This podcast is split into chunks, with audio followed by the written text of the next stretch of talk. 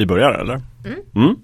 Yes, men då är det februari och äntligen dags för fulkultur igen. Eh, vad härligt. Det är idag jag och Amanda som sitter här i studion och sen så har vi med oss eh, Lövet på länk från hemlig ort. Hej. Jajamensan. Det känns väldigt internationellt utan att det är det. Precis. Jag, är- jag är korren som är utsänd till mitt hem. Precis. Precis, lite missförstånd om var vi skulle vara ikväll för att spela in. Men eh, vi får se hur det Ja. här går. Den här eh, konstiga tekniska lösningen som jag har riggat ihop med en tejprulle. Just det. Det är väl också en liten brasklapp då. Om det händer något med ljudet. Ja, precis. Om någonting låter konstigt så är det därför. Då tänkte jag vi skulle börja avsnittet med att prata lite om vad vi gjort sen sist. Och Andreas Lövet, eftersom du är längst bort från mig så får du börja. Jag har ju plöjt in cirkus 91 timmar i recensionsspelande av Final Fantasy 7 Rebirth. Jävlar. Den andra delen i remake-sagan. Mm. Mm. Eh, ungefär 78 timmar för att köra igenom handlingen och eh, ett gäng sidomaterial. Och sen har jag spelat ytterligare eh, där 12 timmar efter. jag Det är ganska många timmar. handlingen. För skojs skull. Ja, det är ganska många timmar. ja, precis. Och, eh, det är en av anledningarna till att jag gav det full pott är för att inte bara är handlingen bra utan de har faktiskt gjort eh, sidomaterial som är kul att ta del av. Och som faktiskt ger fördelar när man spelar igenom spelet också. Mm. Eh, så det, det har jag ägnat mycket av min, mina senaste två veckor åt. Eh, och det har varit väldigt, väldigt trevligt. Eh, och det fick Eh, eh, av fem. Fem av fem tänkte jag, men då är recensionen ute nu alltså. Ja, på fz.se. Ja, Men eh, var det under eller över förväntan? För jag tänker mig att du kanske hade höga förväntningar redan innan. Ja, jag- var ju lite så här eh, fråg, frågvis om hur skulle de eh, ta vidare handlingen från första remake-delen. Eh, för det fanns vissa så här, indikationer på att de kanske skulle flumma iväg med hela den här ödes, ödesfrågan och eh, ödes, ödesvålarna, whispers, som, eh, som figurerade i eh, första remake-delen. Men det var inte så farligt faktiskt. Och jag var också så här lite frågsam till hur, hur kommer de hantera innehållet i originalet? Kommer, kommer det vara till så största delen intakt eller kommer de göra, göra om mycket? Kommer de kasta, kasta ut mycket och ersätta med den här ödestematiken? Eh, men eh, väldigt, väldigt glad över att upptäcka att de, de, de har med stor vördnad eh, behandlat det gamla materialet väldigt väl. Och när de har ändrat och, eller tagit bort någonting så har de ändå kastat in så, snygga referenser så att de som spelar originalet bara, ah, de tog med det i alla fall. Ja. Nice. Eh, det blev jag väldigt glad över att se. Men om du Eh, jämför med det här förra Final Fantasy Remake-spelet. Är det liksom, håller den väldigt jämn nivå eller är det här ännu, ännu bättre? Det här är ännu, ännu bättre. Eh, för en, en av de områdena som jag hade vissa invändningar mot eh, var bland annat striderna. Eh, för det, det är sån här som är ganska vanligt i moderna JRPG så att det, det är actionbaserat även om du kan pausa eh, och ge instruktioner under strid. Men och sen så är det så här stagger-system. När du, om du gör rätt kombination av attacker mot eh, en viss typ av fiende så by- bygger du upp en staggermätare och när den eh, liksom når, når, når i fullt, fullt läge eh, så, så blir de lite satta ur spel och du kan dela ut mycket mer skada. Och i första remake-delen var det, var det lite tjorvigt med det där. Eh, Och vissa bossar och fiender, om du inte fick in dem i stagger-läge så kunde det vara ganska drygt och lite väl långdraget. Och det har blivit mycket bättre i eh, Rebirth, den här andra delen. Eh, och eh, så har de utvecklat för karaktärsutvecklingen och grupputvecklingen så man, man kan eh, man har olika så här synergiförmågor mellan karaktärer så att de två karaktärer kan utföra en synergiattack tillsammans. Som kan ge vissa fördelar i strid, till exempel så här tillfälligt obegränsad magipoäng eller tillfälligt höjda levelnivåer för de karaktärerna. Eh, och så har, har de sina limit breaks som by, byggs upp när man tar skada och man kan, man kan applicera så här vapenförmågor som ger olika egenskaper. Eh, och så, så man, man, kan, man kan anpassa ganska mycket i ens, ens framgångar i strider. Vilket gör det mycket roligare att, eh, att faktiskt slåss än det var i första remake-delen. Eh, Och, och eh, ens, det, det första remaken var ganska linjärt också. I, för du, du utforskade förvisso bara en, en Milger, den här staden i början av originalspelet. Så det kanske är jättekonstigt att det är mer linjärt, men det var väldigt linjärt. Och här är det en, mer en öppen spelvärld med olika regioner som man går igenom. Ja. Eh, och jag var lite rädd att det skulle bli så att de, ehm, eh, att det blir så här open world Far Cry konceptet att du hela tiden jagar runt bland olika eh, så ikoner på kartan och mm. tappar bort handlingen i processen. Men så blev det faktiskt inte. Eh, det, det, var, det var kul att göra extra materialet och och berättelsen var aldrig långt borta om du liksom känner, om man känner att nej men nu har jag gjort tillräckligt av det här sidamaterialet, nu vill jag bara köra vidare. Det är liksom aldrig några tveksamhet och det är, det är aldrig långt borta om man vill bara fortsätta. Så att, eh, nej, det är faktiskt en förbättring på alla punkter. Mm, det var jättekul att se. Detaljfråga bara, det är inspelat tal i spelet, det är inte textrutor. Nej, frågar, det, är, det är helt och hållet tal faktiskt.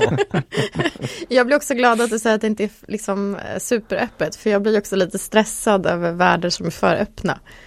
För mm. jag typ inte vet vad jag ska fokusera på, jag vill samla allt och jag vill inte missa huvudhandlingen och ibland så kan jag säga, är det här en del av huvudhandlingen eller inte? Jag vet inte.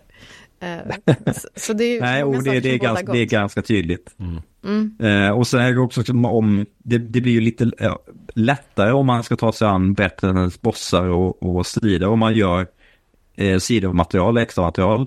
Mm. Men man, man, om man gör lite sidomaterial men inte överdrivet mycket så, så är, är, blir man ändå tillräckligt bra för att man ska kunna ta sig vidare i handlingen. Så man får till en bra balans där också. Kul. Mm. Mycket kul. Mm. Men och, eh, då... om, om, man, vill, om, man vill, om man vill höra mer om Final Fantasy-kötande har jag faktiskt varit med i eh, Viktor Sjöströms eh, podd eh, Tredje gången gilt. Eh, där, vi, där, där, vi har gått igenom eh, Final Fantasy 1 till 16. Eh, och sa, satt rubriker på alla spelen eh, och pratat lite om vad vi, vad vi tycker om, om de olika spelen och eh, gjorde lite en tankelek om, om eh, åttan eller nian hade släppts istället för sjuan hade det blivit en lika stor framgång. Och så avslutar vi med att prata om Rebirth såklart. Oh, eh, så om man, vill, om man vill grotta ner sitt extra i Final Fantasy kan man lyssna på det avsnittet också. Men det är toppen. Då har jag en fråga, hur långt är det avsnittet? Det känns som att eh, det hade kunnat vara typ så här sex timmar långt. ja, det, det hade kunnat vara. Men, men för ordningens skull och eh, Viktor är småbarnsförälder så det finns inte oändligt med resurser i tid där heller. Nej. Det är väl en, en timme och 40 minuter kanske. Oj, landar på. Ja, det är snabbt marscherat. Det är som en liten godisbit. Ja. Mm. Jajamän. Är det för att vi alltid skruvar på oss när du börjar prata om Final Fantasy som du har gått till andra poddar och pratat? Nej, jag faktiskt, jag var på en pressresa med Viktor för, det var ganska många år sedan när vi satt och pratade om eh, rollspel och japanska rollspel i, i baksätet på en taxi någonstans i, i London. Eh, och inför Rebirth-släppet så kom man på att ja, men vi, du, du gillar ju rollspel och jag gillar rollspel. Och vi, vi har inte nördat sedan den där taxiresan i London för en herrans massa år sedan. Så nu när Rebirth ändå är på väg, då är det dags att ändra på det. Så ja, så köttade vi Final Fantasy. Kul. Ja, mycket trevligt. Men då lägger mm. vi upp det avsnittet i länklistan så kan man gå in och lyssna. Det kanske man upptäcker den podden också. Ja, ja. Mm. Ja, precis. Men har du hunnit med någonting mer Lövet eller är det bara Final Fantasy? Eh, mest Final Fantasy. Eh, jag har hunnit titta igenom eh, de olika säsongerna av Fargo med föräldrarna. Uh. och eh, vi började med säsong fem och arbetade oss bakåt. det är som jag brukar göra. Nu, ja, precis. Eh, första gången för mig, men eh, det är ganska trevligt det också. Så nu har vi snart kollat klart på säsong två och ska få börja med säsong ett snart. Just det, men, men visst är det så att det är ju ingen handling som är... alltså det är olika handlingar för varje säsong så att de sitter inte ihop. Ja. ja. Nej, så man, man kan ju faktiskt göra det utan problem. Annars hade det kanske varit lite eh. förvirrat. Ja, precis. Jag tycker inte generellt att man ska kolla på det sättet ändå. Jag blir, jag blir lite obekväm när ni pratar sådär. Men, eh. och sen en sista sak jag gjort eh, ganska kort innan den här inspelningen var att jag tittade på trailern för Borderlands-filmen. Ja. Eh, är väl inte helt eh, förtjust. Jag har sett posters, eller liksom bilder på hur karaktärerna kommer se ut. Men då har du sett Va, trailern. Ja, jag har sett hela trailern. Mm. Eh, och det är så här, bra skådespelare men eh, det är ganska dålig trailer tycker jag. De så här, eh, upprepar så fler one-liners flera gånger eh, på ett lustigt sätt. Och sen mm. bara texten så här från producenten av Venom. Mm, ah, det, det, det sitter inte rätt med mig redan från början. Men jag hoppas att den kan bli ganska småkul i alla fall. Mm. Det betyder också att Venom var den bästa filmen han har jobbat på, den personen, som de kunde liksom lyfta. Ja, just det. Precis, och det säger ganska mycket. Mm. Ja. Men du, för förra gången så tipsade du om Göteborgs filmfestival. Mm. Och att man kunde eller se det på distans också. Ja. Eh, tittade du på någonting? Nej, jag köpte festivalpasset och sen så kom eh, jobb och annat i vägen så jag tittade inte på en enda film. Ja, för jag köpte Tyvärr. det. Jag blev sugen. Så jag kollade i alla fall på fem filmer från den. Åh, oh, det är bra. Mm. Det är bra jobbat. Men jag måste också säga någon, att jag blev... någon favorit? Ja, men jag blev också lite besviken. Uh, för, för, att det var som att jag liksom, uh, jag tyckte typ en av fem filmer var bra. Okay. Och resten var inte så bra. Och så blev jag liksom så lite sur på finkultur. på något vis. För det var ju liksom, och det är väl helt okej att det var nästan bara filmer på andra språk än engelska. Mm. Um, men det var som också att så här, det var så många filmerna som typ saknade handling. Det var fint foto, men inte så mycket mer än det. Och det tycker jag ändå är, alltså det, då är ribban för låg. Det ska ändå vara, alltså, ja, men lite handling vill man ha. Ska inte vara helt Så då får Göteborg filmfestival skämmas lite eh, och Stockholm kan, Stockholm filmfestival kan stå lite malligt svanna. Vi ja, hade de bättre filmer. Ja, jag kollade på den här, jag kan ju, ska jag dra? Mm. Ja. Mm. Gör det. Eh, jag kollade på Düsseldorf Skåne. Som är en svensk film som är typ så här, den har eh, marknadsförts som typ så här, den sve första svenska syntfilmen. Oh. Som utspelar sig på typ, eh, det är väl 80-tal i Skåne. Eh, syntare, känner sig ensam, har en strulig, liksom, ja. Alla komponenter, som en, eh, som en syntversion av Tjänare kungen. Typ. okay. Fast inte speciellt bra skådespeleri och jättedålig handling. och saker som liksom inte gick ihop. Så. Jag tänker bara på kvarteret Skatan och den där uh, synta mot hårdrockare ja. avsnittet.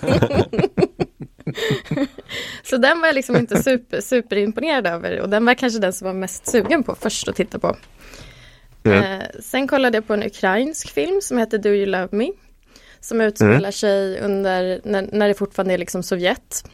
Eh, och det är typ så här, någon tonårstjej som typ upptäcker sin kvinnlighet. Eh, hon har det stökigt hemma. Hon blir kär i en kille som är jättemycket äldre än henne. Och så är livet bara inte bra. Oj. Typ. Mm. och det var, det var i princip hela filmen. Eh, så. Eh, och sen så kollade jag på en brittisk film som heter Club Zero eh, som handlar om en skola som tar in en, de tycker att de har liksom alldeles för dålig hälsa och nutrition. Så då tar de in en, en lärare som ska hjälpa till med så medveten ät, liksom medvetet ätande. Eh, vilket sen blir bara någon så här självsvältssekt. Typ. och, så slutade den, och så slutade den jättekonstigt. Jag var lite så här, jag bara, vad är sensmoralen i det här? Eller vad var det som hände? Vad hände? Och det var lite mer som att se en teaterpjäs än att se en film. För det brukar ändå mm. vara rätt olika liksom, mm. i uttryck. Eh, men sen såg jag en jättebra eh, japansk film. Eh, som heter Great Absence. Eh, som var, den var faktiskt, den var jätte, den var fin och rolig. Eh, och en bra handling. som liksom, ja men det, det, den, den liksom drev handlingen framåt. De andra var helt stilla. Mm så. Du satt bara där och kände? Mm, mm. Precis, kände och såg. Mm. Eh, men den, ut, den utspelar sig då i Japan och så är det en man som, han har inte haft någon bra relation till sin pappa. Alls. Eh, och sen så får han ett samtal om att så här, polisen har tagit din pappa, du måste komma och hämta honom. Och han bara, oj vad har hänt? Och så visar det sig att pappan har blivit, liksom, han har blivit dement. Eh, så han, han hade, och också väldigt så här, att han tror att alla är ute efter honom, så han tror typ att han är en spion. Um, Och så, och så får han liksom svara på så här, han ska in på det här hemmet då, och sonen måste svara på massa frågor och han känner inte sin pappa. Och sen är det så här, men var är din, var är din fru? Och han bara, ja, hon har tagit livet av sig. Och han bara, det känns inte som att, hon säger, som att han säger sanningen. Så då måste han liksom gå hem, han måste vara hemma i hans pappas och eh, hans pappas frus hem. Och liksom försöka leta efter ledtrådar om vad som har hänt med frun. Eh, och vad som hände med honom och liksom försöka förstå typ de här 15 åren de inte har pratat med varandra. Och så händer det liksom rätt roliga och konstiga saker men också fina saker. Eh, väldigt så finstämd och att man sitter och undrar liksom vad tusan kan ha hänt. Eh, så den var faktiskt fin. Det var, det var den jag gillade. Eh, sen såg jag en, det var japansk, nej koreanska och kinesiska. Last Shadow at First Light.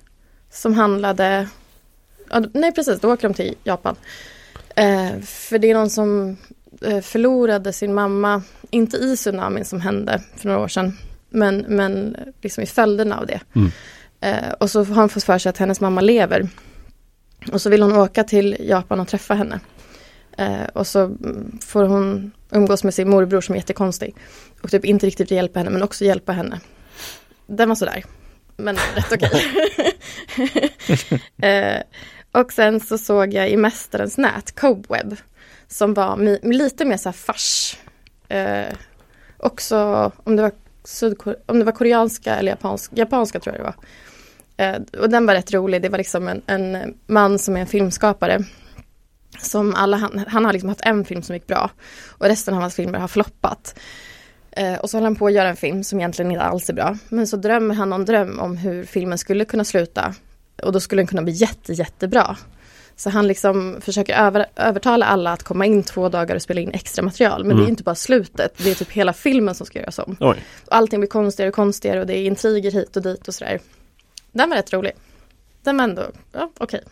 Så att jag måste säga att det, det asiatiska utbudet levererade verkligen och eh, det europeiska var inte så kul. Okej. Du kanske bara inte gillar europeisk film? Jo, det tror Om det är bra. Ja, det är bra. Ja. Om det finns handling. Men eh, ja, så, så de kollade jag på, på Göteborgs filmfestival. Mm. Men det här körde du helt och hållet hemifrån? Du åkte inte till Göteborg? Utan Nej, du precis. öppnade appen? Jag måste faktiskt säga att det var jättebra. Du Ja. hade helt rätt Lövet. Ja. Mm. Men Ja, man men då, hade de kan ju faktiskt det tekniska. Sen kanske de inte levererar på innehållet eh, i år, men eh, den tekniska plattformen är ju bra. Ja, och jag kollade inte på allt. Jag kan ju ha missat bra filmer. Jag kan ju ha valt fel. Det, det är ju stressen. Mm. Vad gick du på när du valde? Titlarna eller? Eh, men rätt mycket omslaget. Ja, ah, just det. Ah. så brukar jag En göra. farlig metod. Man kan göra en jättedålig film men supersnyggt omslag. Eller hur? Mm. Det var nog det jag... Det var där jag...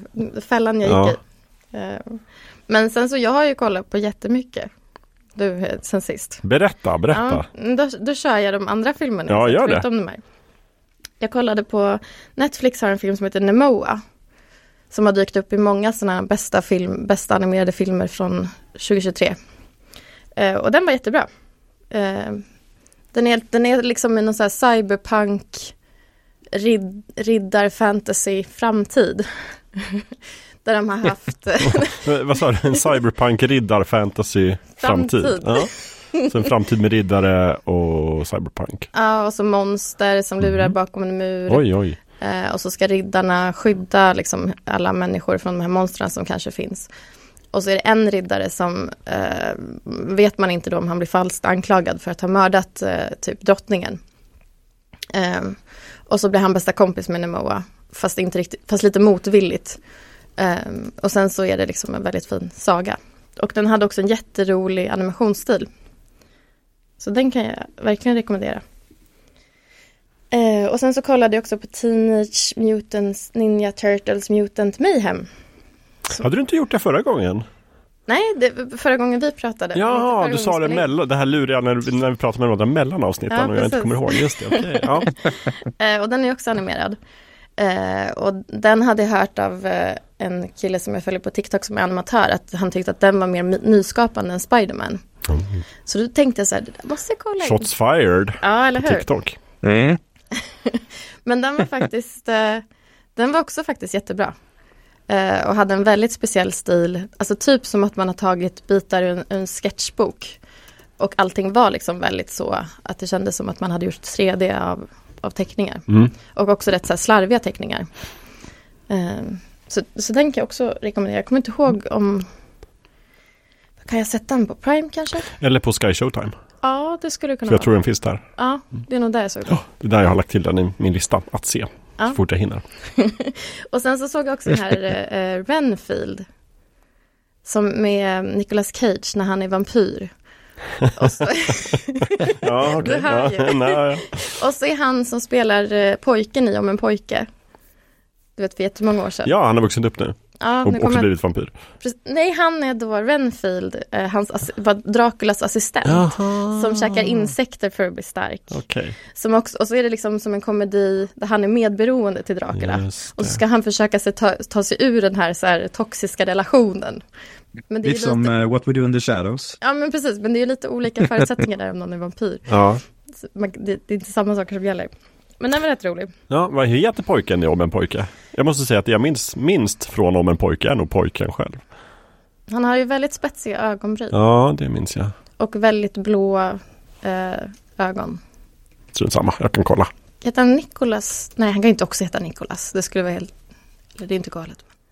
Eh, vadå, det är väl jätteroligt om de tar in två Nikolas. Jo. Jo, det är sant. Han heter Nicholas Holt. Han gjorde det? Ja, Ja, det var Brewer. och. Så Det är en Nicolas Cage och Nicholas Holt. Nick Nick. Nick, Nick Nick. och Nick. Eh, men den var rolig. Den var precis typ som jag trodde att den skulle vara. Lite fjantig. ja, men det gillar ju du. Ja, det är det. Eh, och sen så gick jag i Oscarsfällan och kollade på Maestro. Eh, den här Bradley Coopers, när han är en känd dirigent. Eh, den var helt okej men inte all, men väldigt beige. Jag tyckte inte den förtjänade Oscars nomineringar. Nej. Eh, jag såg sen också massa videor om hur dirigenter pratade om hur dålig han var på att dirigera. Jaha, ja, det är viktigt att det är realistiskt ändå faktiskt. För det kan han jag tänka mig att där, om man så här cut som corners i en film, Eller hur? om man ska ha en dirigentscen, så bara, ja men stå bara där och vifta. Mm. Så sparar vi några minuter. Men det, Han kan det ju ta, blir, riktiga dirigenter Han kan ju måste ta bli upprörda Ridley av det. Scott-försvaret. Inte ens dirigenter gillar sig själva. Nej, precis, just det. Nej, det var någon som bara, han gör inte ens gång i takt till musiken och det tänker jag är dåligt. Ja, det är dåligt. Det är slött. Det är slött filmskapande. Eller hur? Men och sen så på, eh, på alla dag så var jag och såg en jättegullig film. Eh, som också var animerad. Jag har verkligen, jag känner att jag har snöat in på animerade filmer. Eh, men som heter Robot Dreams. Mhm. Eh, som var jätte, jättegullig. Den är också Oscars-nominerad för bästa animation, eller liksom animerade film. Eh, då är det en hund som känner sig väldigt ensam. Och så slår han på tvn en dag och ser en, så här, en reklam om att man kan skaffa sig en robotkompis. Mm. Och så skaffar sig han sig en robotkompis. Och de är jättelyckliga tillsammans. Men så händer något som gör att de skiljs åt och sen så försöker de återförenas. Och så är det liksom, eh, det är inte heller något tal. Så det är som en stumfilm. Den var, den var jättegullig. Jag tror att, den, att det är typ i mars först någon gång som den har premiär. Mhm. Det här var liksom en smygpremiär. Jag fattar. Så. Men den har inte text. Den, är den har ingen text. Nej, vad Precis. bra. Varken text eller tal. Bara musik. och ljudeffekter. Men eh, ja, så den var bra. Och sen, sen har jag sett lite serier också. Mm. Men jag, alltså jag är verkligen så. Men koll- jag kollade på True Detective säsong 3 och 4. Oh. Men skippade då säsong 2. För den hört är dålig. Ja, just det. jag- eh, Den har jag inte sett. Nej. Och ettan har du sett sen tidigare. Precis. Och sen så har jag kollat på Mr. och Mrs. Smith. Eh, Jag har ett avsnitt kvar. Mm. Amazon Prime. Jag tycker Prime levererar. Eh, och sen har jag också kollat på The New Look. Eh, som en miniserie i fyra delar. Som handlar om Christian Dior. Men det handlar inte så mycket om Christian Dior. Det handlar mer om liksom andra världskriget och Frankrike under den tidsperioden. Mhm. Ehm, och liksom ja, hur de klarade sig. Och lite spiongrejer och lite så här. Ja. Och, och, och lite mode. L- väldigt lite mode. Aha, okej. Man ser tyg och en klänning. Mm. En klänning ser Men du man. har sett alla avsnitten? Jag har halva sista Okej, men det kanske är då de fläskar på med mode. Det kanske då. de fläskar Fullt på. ut. Mm. Men den var, eh, ja den levererade Mhm. Ändå. Men det var, inte så, det var inte så mycket, man fick inte gotta sig i god design. Nej, som du kanske hade hoppats på. Mm, Mm. Lite. Men eh, väldigt spännande ändå. Eh, jo, och sen så har jag sett, eh, jag har börjat se på min skämsserie Halo, säsong två. Ooh. Jag tror det kommit ut två eller Guilty tre. pleasure. Ja, verkligen. Du står väl ändå för att du kollar på den? Det gör jag. Du försöker inte hemlighålla för någon. Nej, nej, det- men den är ju verkligen, alltså man får ta den med en nypa salt. Det är som en typ sci-fi B-serie från jag vet inte, 00-talet typ. Så, så är animationerna, eller liksom specialeffekterna. Ja, ja, ja. Ungefär. Men köper man det Mm. så eh, kan man ändå titta på det med viss behållning. Just det. Eh, Så det har jag också gjort. Eh, Ja, men, nej, men det väl allt faktiskt. Det var allt. Ja. Det var inte så jättemycket. Men många filmer du har hunnit med. Ja, men jag har känt att jag har gått in i en ny sån filmera. Eh, och att jag har blivit så här, man kan ju tycka vad man vill om prisceremonier och sådär. Mm. Eh, men jag har gått in i någon sån här att jag bara här ska beta av allt som har blivit Oscarsnominerat. Jaha, oj, det är många varje Ja, år som ja. blir. Precis. och allt har inte kommit, det, det tycker jag är lite tråkigt. Men inte bara vinnarna i kategorier, utan alla kategorier, alla som har blivit nominerade ska du se. Ja, men jag har Det är en del. Det, det, är möjligt att ja, göra. men typ dokumentärer och kortfilmer. Ja. Mm, Nähä. mm. Men, men alla så här stora maffiga kategorier. Mm. Eh, Bästa film, bästa skådis, Ja, bästa, bästa biroll. Ja, ja, bästa foto, bästa, och eh, animerat. bästa låt. Ja, det kan jag också Ja, köra. okej. Ja. Ja. Mm. Mm. Bra. Vi följer upp nästa år. Ser Japp, om du har med allt. se vad jag tagit. Vad kul. Eh, Jag kan berätta lite vad jag har gjort sen sist också. Jag har faktiskt också legat i måste jag säga. Mhm. Jag har varit ute, jag har varit på bio. Kul. Jag har ju sett Dune Part 1 nu. Just Min det. plan, jag missade ju den när den gick på bio där back Mm. in the day. Eh, och min plan har ju alltid varit att inför tvåan så ska, kommer den, tror jag, gå upp på bio igen. Och då ska jag se den. Och exakt det hände ju. Mm. Så att jag var ju på Rigoletto här i Stockholm och tittade på Mm. den. Mm. Väldigt trevlig bio måste jag också säga. Ja, hur var, var det, för det känns som att Dune passar för en jättestor skärm och det är Ja. ju bio. Ja, jo. Men liksom hur... Ja, det var salong 1 så det var stort. Ja, det var stort. Mm. Och så, men det var framförallt väldigt sköna fåtöljer och det var ju också så här 18-årsgräns på den bion. Så det var inga Skönt. skrikiga ungdomar och det var jättemycket eh, benutrymme och hör och häpna, man kan beställa in mat under filmen. Genom att blippa en QR-kod och bara knappa in och betala med sitt kort. Som Bio Så smyger ut en liten kypare. Ja, så det tycker jag var jättetrevligt. Mm. Mm. Använder du den? Ja, Ja, du gjorde det. om jag gjorde. Beställde in hela tiden, Ja. nytt på nytt nytt. Ja, nej, men jag, jag tycker ändå att det, jag tänker att det måste ju uppstå någon form av etikett där hur man gör. Det- Alla beställde ju liksom hela filmen och det var inte så störigt för det var en väldigt stor bio som sagt och mycket Mm. utrymme så de kunde smyga utan att man tänkte på dem. Eh, men jag beställde i början. Ja, det var Mm. bra. Eh, men jag tyckte den var väldigt bra eh, och jag har ju tänkt att vi ska ha ett helt avsnitt, kanske redan nästa månad, om, om hela Dune-universumet. För sen efter att jag hade sett Dune Part 1, för jag ville se verkligen, jag hade hoppats och trott att det skulle vara en väldigt cinematisk och liksom storslagen bioupplevelse. Mm. Och det var det ju också. Mycket ljud. Om Eller än maffigt ljud. kanske lite tråkigt, kan jag tycka. Sådär. Ah, nej men den var bra. Jag blev, jag blev faktiskt lite golvad av att den var sådär, precis som jag trodde. Bra.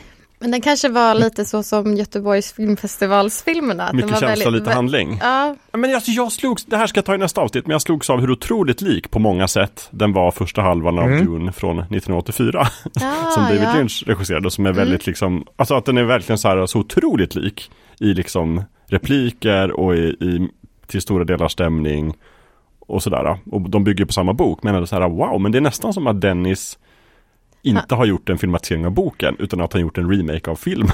Han kanske bara så. tog manuset. Ja, kanske, jag vet inte. Men sen för då, när jag, efter det så blev jag direkt sugen på, då såg jag Dune igen från 1984. För det var Mm. liksom 10-15 år sedan jag såg den. Så kollade jag på den igen. Och sen har jag sett en massa dokumentärer om Dune. Och sen så har jag också, håller jag nu på och läser boken om Dune. Men Så har, jag kommer vara jätteredo för nästa avsnitt. har du sett, jag har hört att det finns en miniserie. Ja. du Den har jag den? inte sett Nej. än. Ja, den finns på YouTube. Ja, den ska vara väldigt billig. Ja, Den är från Sci-Fi Channel, tror jag. men bra tror jag. Mm, de säger det, bra men väldigt billig. Mm, det är lite som med Halo. Mm. Jag tror inte att den serien är direkt billig, men den ser billig ut. den ser Ja, billig ut. men den är bra. Ja. Ja, okej. Ja, nej men jag, jag tyckte det var kul i alla fall. Uh, Dune, jag ser väldigt mycket fram emot eh, del två som kommer när som helst. Och Jag, jag misstänker om att Dune, eh, framöver. Så det, det. Part 2, inte av Denis Villeneuves eh, Dune, inte kommer likna andra halvan av eh, 84-filmen. Nej, det är väl här de måste, ja precis. Då blir jag väldigt förvånad i alla fall. Men de visade ju, eftersom det här var liksom en, en ny premiär på den då. Så var, dels var det någon lite så här ganska cringeig intro där han, vad heter han? Eh, på, han som spelar Paul vad heter han, den unge skådisen som vi har talat så gott om. Eh, Timothy Chalamet. Ja, Timothy Chalamet och eh, vad heter hon som vi har talat så gott om? Zendaya. De ja. två var med och liksom bara hej alla biobesökare, välkommen. Alltså de var inte där men de Aha, var på bion. De var på, bi på bioskärmen. På, du på duken. Nu ska vi se den här mäktiga filmen och hoppas ni är peppig för del två, bla bla bla. Och det tyckte jag var lite tråkigt att se. Ja. Och sen efter filmen så var det också typ en special förhandstitt på del två. Ah. Där Dennis Villeneuve satt och liksom pratade om att ja, när jag läste boken då tyckte jag att den här scenen var jättestark och nu har jag fått göra den. Mm. Och så eh, avslutade han med länge leve bio. Ah. Och jag bara tyckte också det var fånigt. Och sen så såg jag, jag då tänkte jag så här, ska jag sitta kvar och titta på den här scenen fast jag snart ska se tvåan, eller ska jag inte göra det? Och sen tänkte jag ändå, nej men jag gör det. Eh, och det ångrar jag lite nu kanske, för jag hade nog hellre blivit överraskad av den i del två. Men å andra sidan, nu vet jag precis när jag ska gå på toaletten, när jag ser del två. Ja, det är sant. Det är när de visar den scenen. Så att jag liksom... Tänk om den är den första scenen.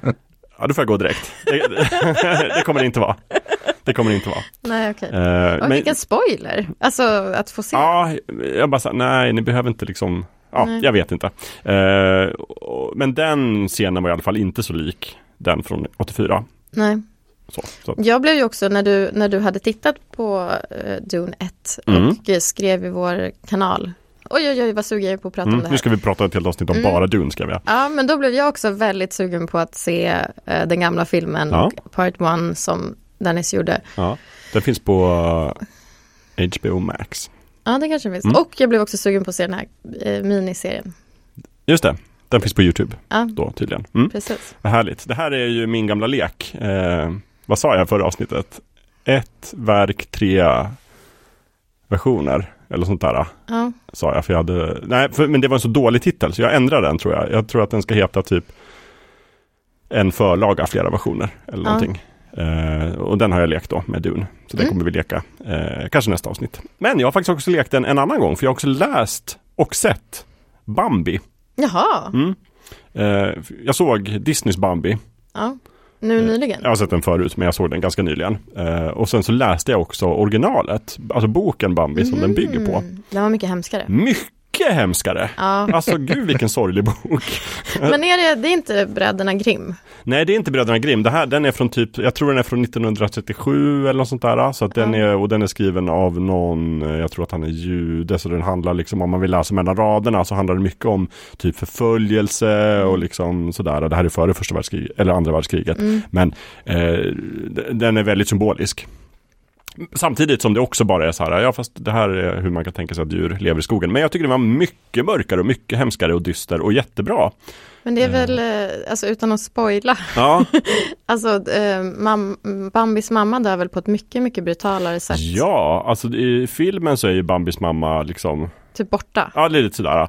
Här, är verkligen liksom, för det, som, det jag gillade mest med Bambi-boken var ju att de pratar ju aldrig om människorna som människor. Mm. Utan de pratar bara om dem som, som hi. Alltså bara han som är det här liksom främmande monstret som ibland bara dyker upp. Och dödar den och liksom och de, kan, och de tror att de är gudar som bara plötsligt dyker upp och liksom kan döda med liksom från fjärran. Eh, och de beskrivs väldigt bra. Det tycker jag var kul. Det var lite terror. Mm. Eh, och, och ja, här är det verkligen en riktigt hemsk scen där liksom Bambis mamma bara liksom försvinner i ett kaos av, av blod och död. och så står det bara Bambi träffar aldrig sin mamma igen. så, men det är jättemycket sådana liksom riktigt, riktigt hemska saker och eh, jag vill inte spoila den, men den var väldigt kort. Det var typ bara 130 sidor. Undrar om du gjort någon skräckversion? Jo, det gjorde jag. Även en långsam. Precis, det kanske är som en Nalle Puh. Ja, eh, alltså de ska göra en ny en live action remake då av Bambi tyvärr. Den kommer säkert vara snäll Den tänker inte jag se. Ja. Den kommer, den kommer säkert vara bara CGI ändå. Ja, ja men jag vet. Typ ja. Lejonkungen. Nej, jag hatar ja. den där. Uh, ja, men så den var bra. Men jag kan rekommendera Bambi-boken om man vill läsa någon liksom, gammal härlig litteratur. Men är det någon grej, alltså så jag tänker, vad heter den här långa flykten eller den långa färden? Mm. Som också är typ en barnbok. Mm, kaninerna va? Ja, med mm. kaniner. Mm. Som också är brutal. Ja. Uh, och jätterå. Ja. Det är någon grej, men det kanske skrevs ungefär samtidigt. Jag tror det, de bara, vi ska skrämma barn. Jag tror inte det här, Bambi var nog inte liksom uttalat en barnbok när Nej. den skrevs, tror jag. Och sen vad jag har förstått det som att han författaren tyckte inte att Disneys version var så himla bra tolkning.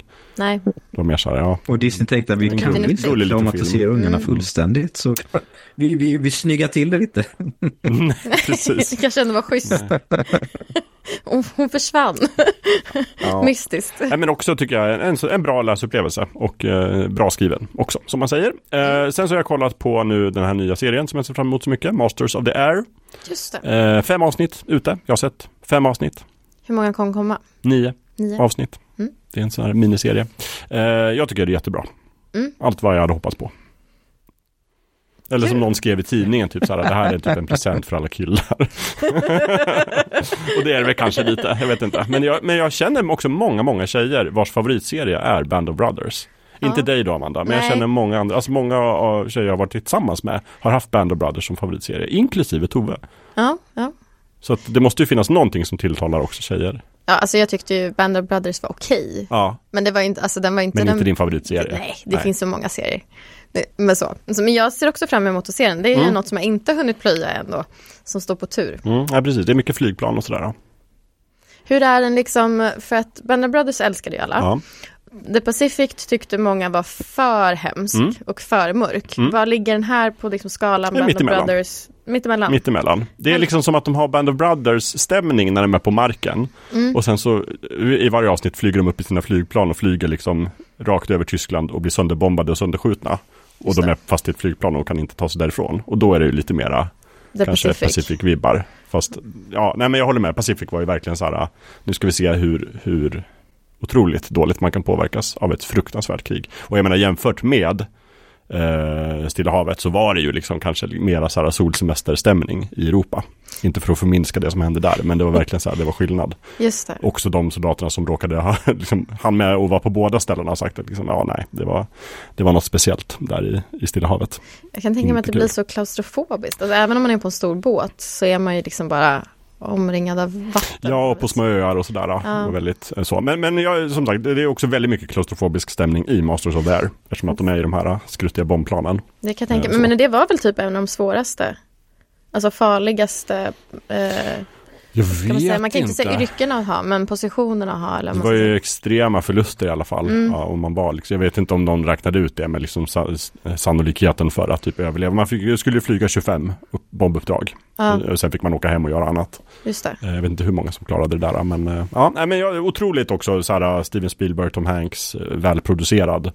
Och jättebra på, på alla sätt. Har du Eh, nej, sett den? det har jag inte gjort. Inte ännu? Eh, men eh, jag gillar ju inte att titta på serier som inte eh, finns tillgängliga helt och hållet. Så att jag väntar Nej, tills alla nio är ute. Nej, precis. Just det. Ja, då får du vänta fyra veckor till. Ja, just det. Men då har du typ tre, veck- tre fyra veckor till då. Det låter bra. Eh, och sen så har jag också faktiskt kollat på Mr. Mrs. Smith på Amazon Prime. Och det är det här som är så roligt. Jag märker ju att vi, det tar för lång tid mellan våra avsnitt. För att vi, du och jag har ju hunnit prata om det här. Jag har ju redan hunnit Ja. tipsa dig om Mr. Mrs. Smith. Och jag har hunnit se och säga den. att jag tyckte den var jättebra och du har hunnit se den. Och sen sa du nu först att du hade sett den, så nu låter det som att jag bara härmar dig. Men Det var jag du såg som den såg, först. du Ja. såg den långt före Ja, mig. men jag såg den eh, och tyckte den var, jag varit förvånad över hur bra jag tyckte att den var ändå. Mm. Och den har fått lite blandad kritik på, på internet. Mm. Men jag tycker att de som har klagat på den inte vet vad de pratar om. För jag tycker att den var framförallt så otroligt bra skådespelad av de vars namn jag har glömt. Men Mr. och Mrs. Smith. Donald Glover. Ja, det är han, ja precis. Och sen så kommer inte jag ihåg vad hon heter. Nej, men hon var jättebra. Hon var med i Hon var något jättebra. annat. Jag kände inte igen henne från något annat. Nej. Eh, Men hon verkligen överraskade mig. Ja. Det var jättebra. Och sen är det ju väldigt mycket så här, kända ansikten som dyker upp i biroller. Så man Mm. kan sitta och titta, åh det är hon som är med i det. Det är han. Så får man kolla. Så, såg du, jag, jag hade så här i ett av avsnitten så bara, det är han från polisskolan. Men han är typ med i polisskolan 8 eller 9 eller någonting. Och, är- och, är- och är det finns ingen polisskolan 8 och 9. Det finns Jo. bara 7 polisskolan. Okej, men då kanske han är med i sjuan då. Ja, Uppdrag Moskva. Ja, ja, 97. ja, för han är ryss. Okej. Alltså han är inte ryss, men han spelar ryss. Också känd som den sämsta polisskolan-filmen. Ja, jag tyckte den var bra, men jag kollade Så, på den. och då är kanske, inte de andra liksom, de var aldrig intressanta för en Oscar kan man säga. Jag kanske kollade på dem när jag var, jag vet inte, tio. Ja, men det gjorde väl alla. Ja, Just Och då var de bra. Ja, men det, jag tycker det finns en, en ändå, någon gång borde vi ha ett avsnitt bara om polisskolan. För att jag tycker ändå om man ska prata liksom om inbördes kvalitet så tycker jag ändå ettan, tvåan, trean, fyran är ganska bra. Så Ja. länge han eh, Steve Guttenberg är med. Är det Mahoney? Ja, Ja. för han har ju någon form av ändå så här, han fyller en funktion som hjärtat i filmen. Ja, Och sen så försvinner han och då är det ju Lazards brorson eller någonting som kommer in just det. och ska fylla samma roll. Men Och då han är de ju som... först på Miami och sen är de tillbaka i, i staden och sen är de i Moskva. Just det. Men han som gör ljud är alltid med väl? Ja, han är med i alla filmer. Ja. Precis. Han, han som Mm. beatboxar och Jag minns inte vad han ljud. heter nu heller. Nej, inte jag heller. Jag har inte förberett några anteckningar på polisskolan. Kommer du ihåg det Lövet? Nej, det gör jag faktiskt inte. Nej. Nej. Jag kommer inte ens ihåg vad karaktären heter. Nej, jag kommer inte heller på det. Nej. Jag kommer bara ihåg Mahoney. Men jag hade faktiskt en, en kollega som sa, ja men jag tittar på den här Mr. Mrs. Smith-serien. Eh, har ni sett den? Så då bara nej, men den där Brad Pitt där Jolie-filmen var inga höjdare. Man, nej, nej, nej, Nej, men det här har ingenting med det att göra, det är jättebra. Ja, för det här är ju något helt annat. Då, Mm. Filmen från början, Mm. det är ju liksom att de två gifta vet inte om att de båda är eh, hitmans. För varsin Eller- olika organisation tror jag också. Så här. Precis, och sen så får de båda i uppdrag att döda varandra. Mm. Och så går hela, liksom, ja, det går, hela går ut på att de försöker döda varandra och sen så blir de sams och försöker döda byråerna istället. Mm. Eh, Men det här är ju snarare så att de blir ihopparade. Ja, Så- av samma liksom, organisation. Mm. ni, ska vara, ni ska vara gifta och jobba undercover. Och sen så är det ju som jag beskrev det lite som så här, scener ur ett äktenskap. Fast Mm. de är agenter. Ja men precis. Och jag tycker också, för jag har sett eh, kritiken på, på internet, Mm. har ju sagt att så här, delvis så är det som scener ur ett äktenskap och delvis så är det så här fartfylld action. Mm. Och att de inte tycker att de sidorna gifter sig, men Aha. jag tycker att det blir extra speciellt. Eh, men att jag tycker snarare att det är det roliga. Ja, jag det tycker så också det. absurt. Jag tycker att Bergmans scener ur ett äktenskap hade mått bra av lite mer pang-pang. Eller hur? Mm. Lite mer Ja, jag tyckte den matchen, mixen funkade jättebra. Det var Mm. en, den gifte sig väldigt bra. Jag tycker också, ehm, nu ska vi se, vad heter den? Den här Masters of None. Ja, just det, med han... ehm, Ja. Ja, ja nej, precis. vad han som är med i Parks and Recreation. Just det. Aziz uh, Ansari va? Ja, Ja, ja, precis. ja, precis. precis. Eh, där är det en jättefin gestaltning av liksom ett förhållandes cykel. På något vis. Mm. I typ säsong 1 och 2 tror jag det är. Ja, just det. Något sånt där. Eh, och jag tyckte att det fanns många likheter i liksom, utan att avslöja för mycket, så just så här olika stadier en relation går igenom Mm. och, och när Ja, det men kör jag- ihop jag sig och när det liksom, Mm. så det, var det är också en väldigt fin skildring av, av en relation. Och som du sa på vägen hit, Amanda, att avsnittet när de går i terapi är ju jättebra. Inte Jätteroligt. för att spoila någonting, men det är Jätte, en jätteroligt. stand-out episode. Kan man Ja, säga. det är det faktiskt. Eh, Så det är tips Löve till dig också. Nej. Mm, Till dig och dina föräldrar som kan kolla på nästa efter Mm. eh, Fargo. Eh, Jajamän. Jag kan bara följa upp med att säga att han i Polisskolan heter ju Michael Winslow. Skådespelaren. Ja. Just. Som eh, The Man of 10,000 Sound Effects. Just det. Och karaktären han spelar heter ju Larvel Jones. Dr. Ah. Larvel Jones. Dr. Larvel Jones. Han är inte doktor på riktigt. Nej, Även en fantastisk insats i Spaceballs. Just det, ja precis. Åh, nu satt jag skrattet i halsen, det var ju sant. Det är jätteroligt. ja. Yes. Mm. Ja men vad det är i alla fall vad jag har gjort. Eh, så det så. Eh, och vi har ju ett litet eh, diskussionsämne idag ändå, sådär. Eh, som vi tar fram. Och du har ju önskat ett tag nu Amanda att vi ska prata lite granna om strömmande videotjänsten Apple TV+. ja. För du har ju ett flertal gånger sagt så här att gud vad bra material det finns här. Mm. Och eh, våran gemensamma vän André, vän till podden, eh, då och då med i podden, har också sagt liknande. Väldigt bra. Mm. Och du håller ju också med mig Jakob. Ja, Lite. jo det gör jag, men någon måste säga emot också. Och Lövet, du vet ju att du har ju din största invändning mot Apple TV Plus är väl framförallt att den inte finns på din TV. Ja, den finns på min tv men inte föräldrarnas. Nej, just det, ja, det Men så eh, det. sen Just det. finns inte Chromecast-stöd så man kan inte skicka den till Nej, just som ja, helst. Så, ja. Apple, Apple being Apple, men eh, Mm. jag är ju så här, den motvilliga Apple TV Plus-konsumenten för det har ju kommit så pass många bra serier så jag, har- Mm. Ja. jag har inte kunnat hålla mig borta faktiskt.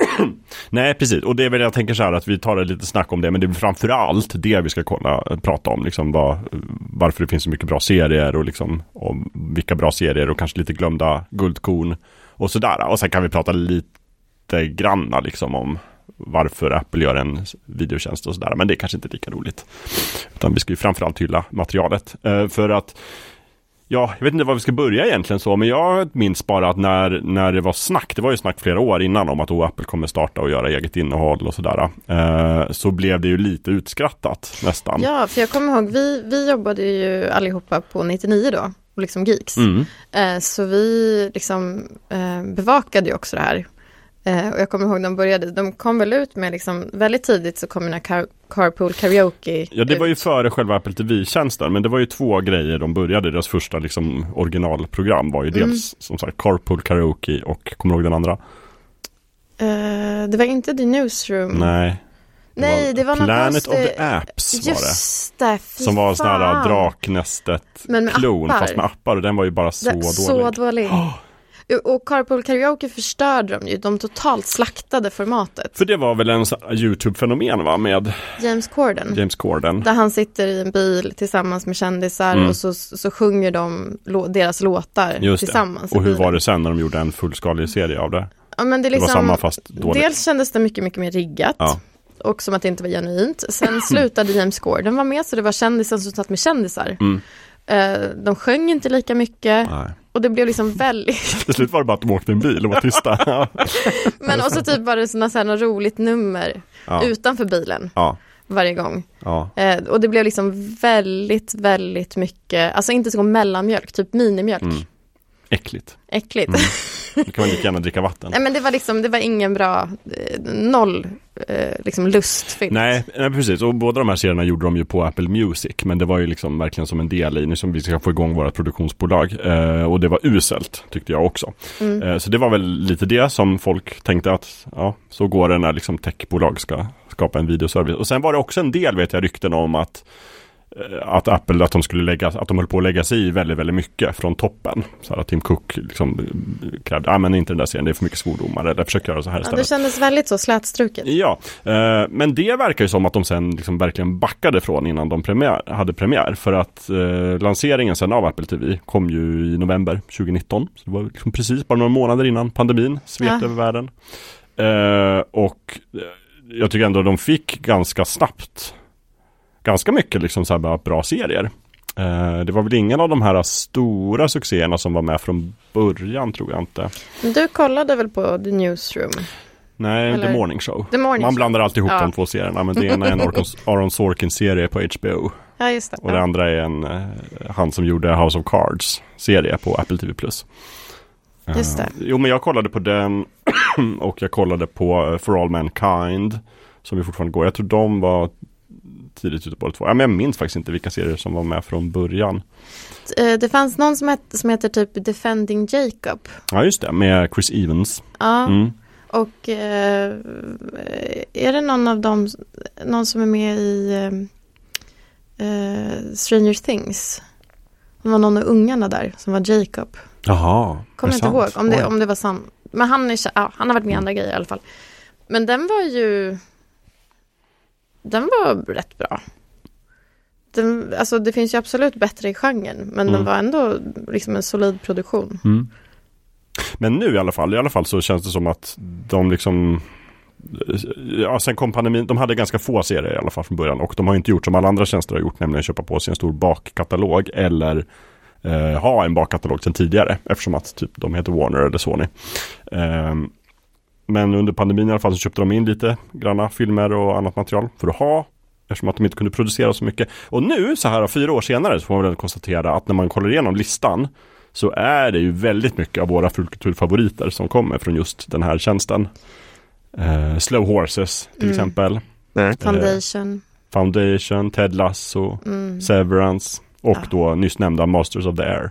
Det är väl de kanske de stora hittarna och sen finns det väl många andra som Som har fått väldigt mycket hyllningar eh, och som jag personligen gillar väldigt mycket. Silo till exempel tycker jag är bra. Ja, Kom Silo, jättebra. Eh, och For All Mankind gillar jag väldigt mycket. Shrinking tyckte jag var eh, en riktig guldserie. Trying tycker jag var fin. Mm. Platonic pratade jag om för några avsnitt sedan. Jag tycker det är lite så att jag får känslan när jag är inne i, i Apple TV Plus att så här, jag skulle kunna trycka på typ vad som helst och det skulle ha en bra lägstanivå. Ja, men lite som... du kan- jag Och det, inte- det är det som är den stora skillnaden från typ Netflix. Eller hur? Ja, Att eh, om, om du klickar på random se på Netflix kan du få lite vad som helst. Men, eh, men eh, det är där, där HBO Max har ju länge varit så att om du klickar på någonting där är ju chansen mycket större att det kommer hålla hög nivå. Men, men Apple är ju på samma nivå om inte, i och med att utbudet är mindre så är kanske det ännu större chans att du faktiskt klickar på någonting bra inne på eh, Apple TV Plus. Ja, eller hur? Men hur tycker du då? Du som har liksom börjat använda tjänsten hyfsat nyligen. Eh, jo, men det gör jag också så här, motvilligt som sagt. men eh, men eh, när, när de, de serier jag har tittat på har ju alla varit bra. Eh, jag har inte tittat på så stor del av utbudet. Men, eh, men det är som den här eh, Monarch, eh, Legacy of Monsters. Mm, just det. Eh, som handlar om eh, eh, de, de, de olika alltså, Monsterverse-monsterna. Eh, det finns ju en säsong ute. Eh, och den förvånansvärt hög kvalitet. Jag, jag tänkte att man, med tanke på hur de senaste Godzilla och Kong-filmerna har varit så kanske inte ska ha för höga förväntningar men den, den var faktiskt ganska bra. Inte fantastisk men över förväntan ändå. Eh, och sen de har ju lagt till filmer, typ som Killers of the Flower Moon, Ja. eh, som jag tyckte om väldigt mycket när jag såg dem på bio. Eh, så att det finns ju bra material att ta del av och det känns ju som om jag bara liksom går igenom listan. Eh, jag ser ingenting som jag tänker att ah, det där är nog förmodligen liksom, eh, pruttuselt, Ja. utan det kommer förmodligen vara ganska bra.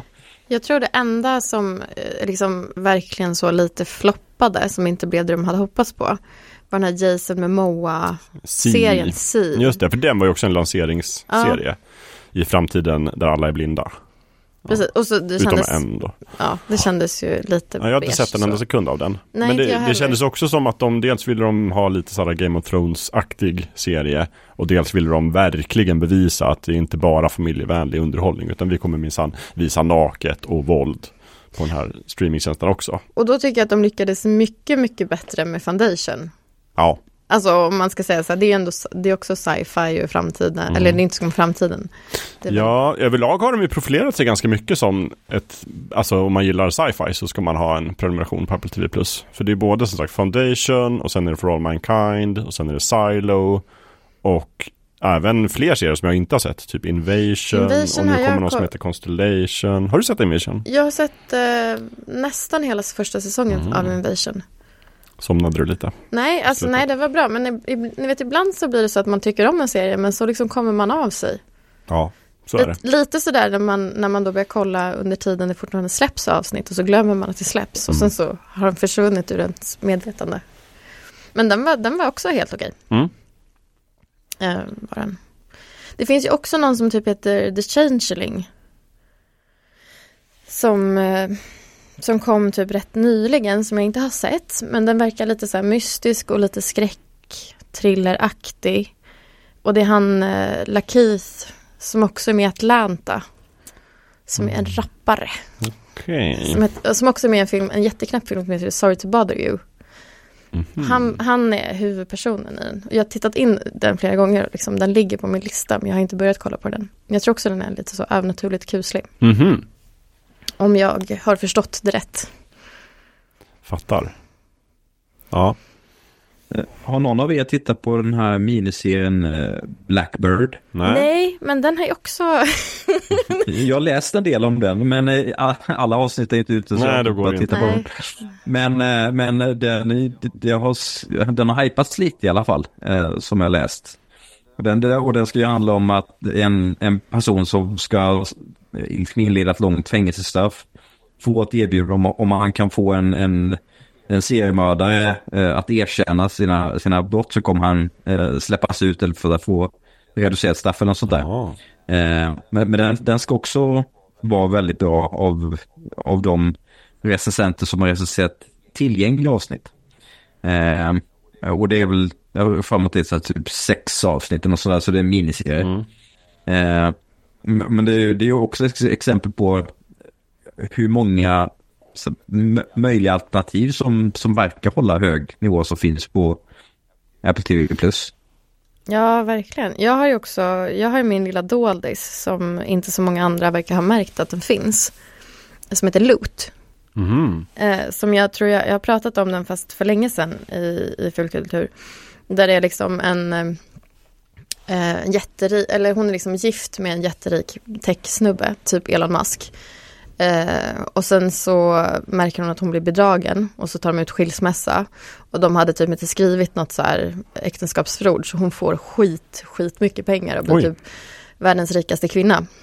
Eh, och så ska hon försöka liksom, så har hon någon så här, hon har någon stiftelse. Och då tänker hon så här, nu ska vi göra nytta, då ska jag gå till min stiftelse och jobba. Och så måste hon träffa vanliga människor som har vanlig lön. Oh, och, så, och så blir det liksom en krock. Ja. Och hon inte fattar hur vanliga människor beter sig. De tycker hon är världens konstigaste alien som beter sig så konstigt. Bråkligt. Och så, så lär de känna varandra och märka att alla är människor. Och så blir det liksom... Är den lite hjärtvärmande? Ja, det är det. Mm. Lite så, inte Ted Lasso-vibbar, men lite mer shrinking kanske då. Ja, för jag skulle precis säga det, att dels har de ju satsat mycket på liksom eh, maffig sci-fi. Men annars så är det tycker jag också mycket av de här liksom feel serierna som de har gjort sig ett namn för. Alltså Ted Lasso och Shrinking kanske framförallt. Men också då tydligen Loot. Ja, och, och Trying som jag gärna vill lyfta fram. Ja, precis. Och, då, men, och det är ju det är roligt när man ser, alltså det blir nästan som ett litet multiverse med att vissa skådespelare alltid är med i Apple-serier. Ja. Eh, för han som huvudpersonen i Severance, han är den douchiga mannen som, är, som bedrar henne. Adam Scott. Ja. Mm. Han är också med i Parks and Rec. Precis. Oh. Det, det, är där de har hämtat. Ja, just det. Det är sant, han är med den ja. ja. Just det, ja, precis. Därför annars, en annan när de lanserade så var de ju väldigt stora med så här, kolla vilka stora stjärnor vi har med. Mm. Och då var det liksom Steven Spielberg. Det var väl i och för sig också en av deras floppar kanske. Den här, han gjorde ju en ny version av sin Amazing Stories. Just som är en sån här sci-fi antologiserie. Den har jag sett något avsnitt av. Jag tyckte inte alls att den var bra. Uh, ja, men Steven Spielberg och Oprah Winfrey hade ju något program också. Ja, just det. Och så. eh, nej, men så det. Och, och sen även om man, om man tänker sci-fi, feel good och faktiskt crime tycker jag de har väldigt, mm. väldigt mycket också av. Mm. Eller drama, olika typer av liksom spänningsserier. Jag har ju sett någon, den här Terran har jag sett. Den tyckte jag var väldigt tät. Just det, den har min pappa tittat på. Ja, tycker han den var spännande? Ja, Sa de, det? Ja, han tyckte mm. verkligen om De tittade också på den här, eh, eller min syster har kollat på den här Pachinko. Ja, just det. Eh, som är en, en sydkoreansk eh, serie tror jag, som handlar om så här flykt, alltså att eh, generationer av... Men den tror jag att Andrea tyckte var så bra. Ja. tror jag han skrev i chatten. Den, den har, jag har då bara ordet från min syster, men mm. hon, hon, har bra smak. och hon tyckte väldigt, väldigt mycket om den och hon kollar väldigt mycket på K-draman och sådär. Mm. Um, och just så här hur flykt påverkar generationer. Uh, vilket också känns väldigt så här, jag vet inte, det känns väldigt inne just nu att mm. prata om sånt. Um, så den, den ska också vara bra. Men sen också, eh, som du sa Lövet, att de även har tagit in filmer som de kanske inte själva producerat. Men de har ju också producerat en hel, alltså en del bra film själva. Men Killers of the Flower Moon tror jag de har producerat. Det kanske de har. Eh, jag tror de gav honom, vad heter han, um, han som har gjort det, vad heter han? Mark Scorsese. Scorsese. Jag tror de gav Scorsese en stor hög med pengar och sa gör den här filmen åt oss. Och sen tror jag de, de sen så lät de den gå på bio. Okay. Lite som ett experiment. Eller också så här att de sa det, att vi vill få in liksom folk, få, som ett sätt att få folk att göra reklam för våran tjänst. Ah, okay. Och sen drog den ju ändå in. Jag kan in... tänka mig att Scorsese förmodligen ville ha den på bio. Ah, ja, ja precis. Det är ju en annan grej. Jag tror också Scorsese kräver det. Så. Men, men de var, för dem var det, handlade det mer om att göra reklam för sin tjänst. Men sen drog den ju in ganska mycket. Mm. Så de sa att den, mm. den, gick, den spelade nästan in sina, sin kostnad bara på bio. Um, så att de är nog ganska nöjda med det. Uh, för annars har de ju bara mm. köpt in saker som, som skulle ha gått på bio under pandemin. Men som sen inte. Till exempel den här uh, krigsfilmen med Tom Hanks, Greyhound. Där ja. han åker båt på Atlanten. Under andra världskriget. Mm. Den tyckte jag var spännande och snabb. Och Tove tyckte den var supertråkig. Men uh, jag tyckte den var bra. Just det, för, de, har, för jag har, de hade ju... Och Napoleon, har, också, nu har ju gått på bio, det är också deras. Det är också deras? Ja visst, den kommer ju som det står snart på Apple TV. Alltså de är ändå rätt dåliga på att marknadsföra sig. Det, ja. det, är så mycket bra producerat innehåll som går helt under ytan om man inte typ har Apple TV+. Mm.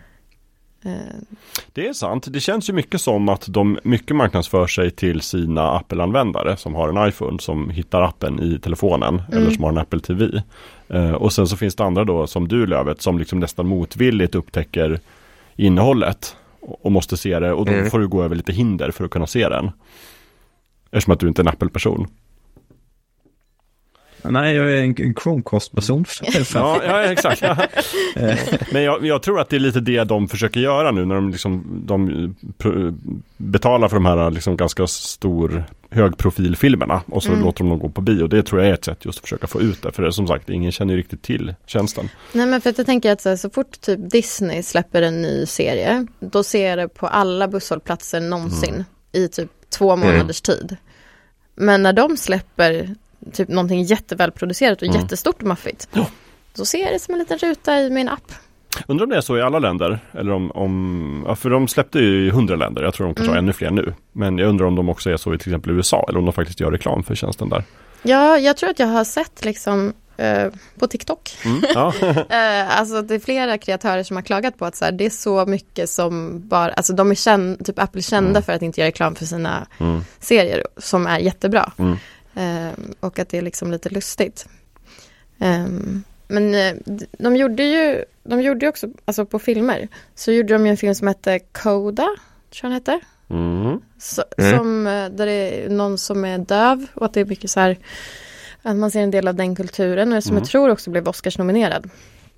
Som jag inte har sett men som jag ändå hört ska vara rätt bra.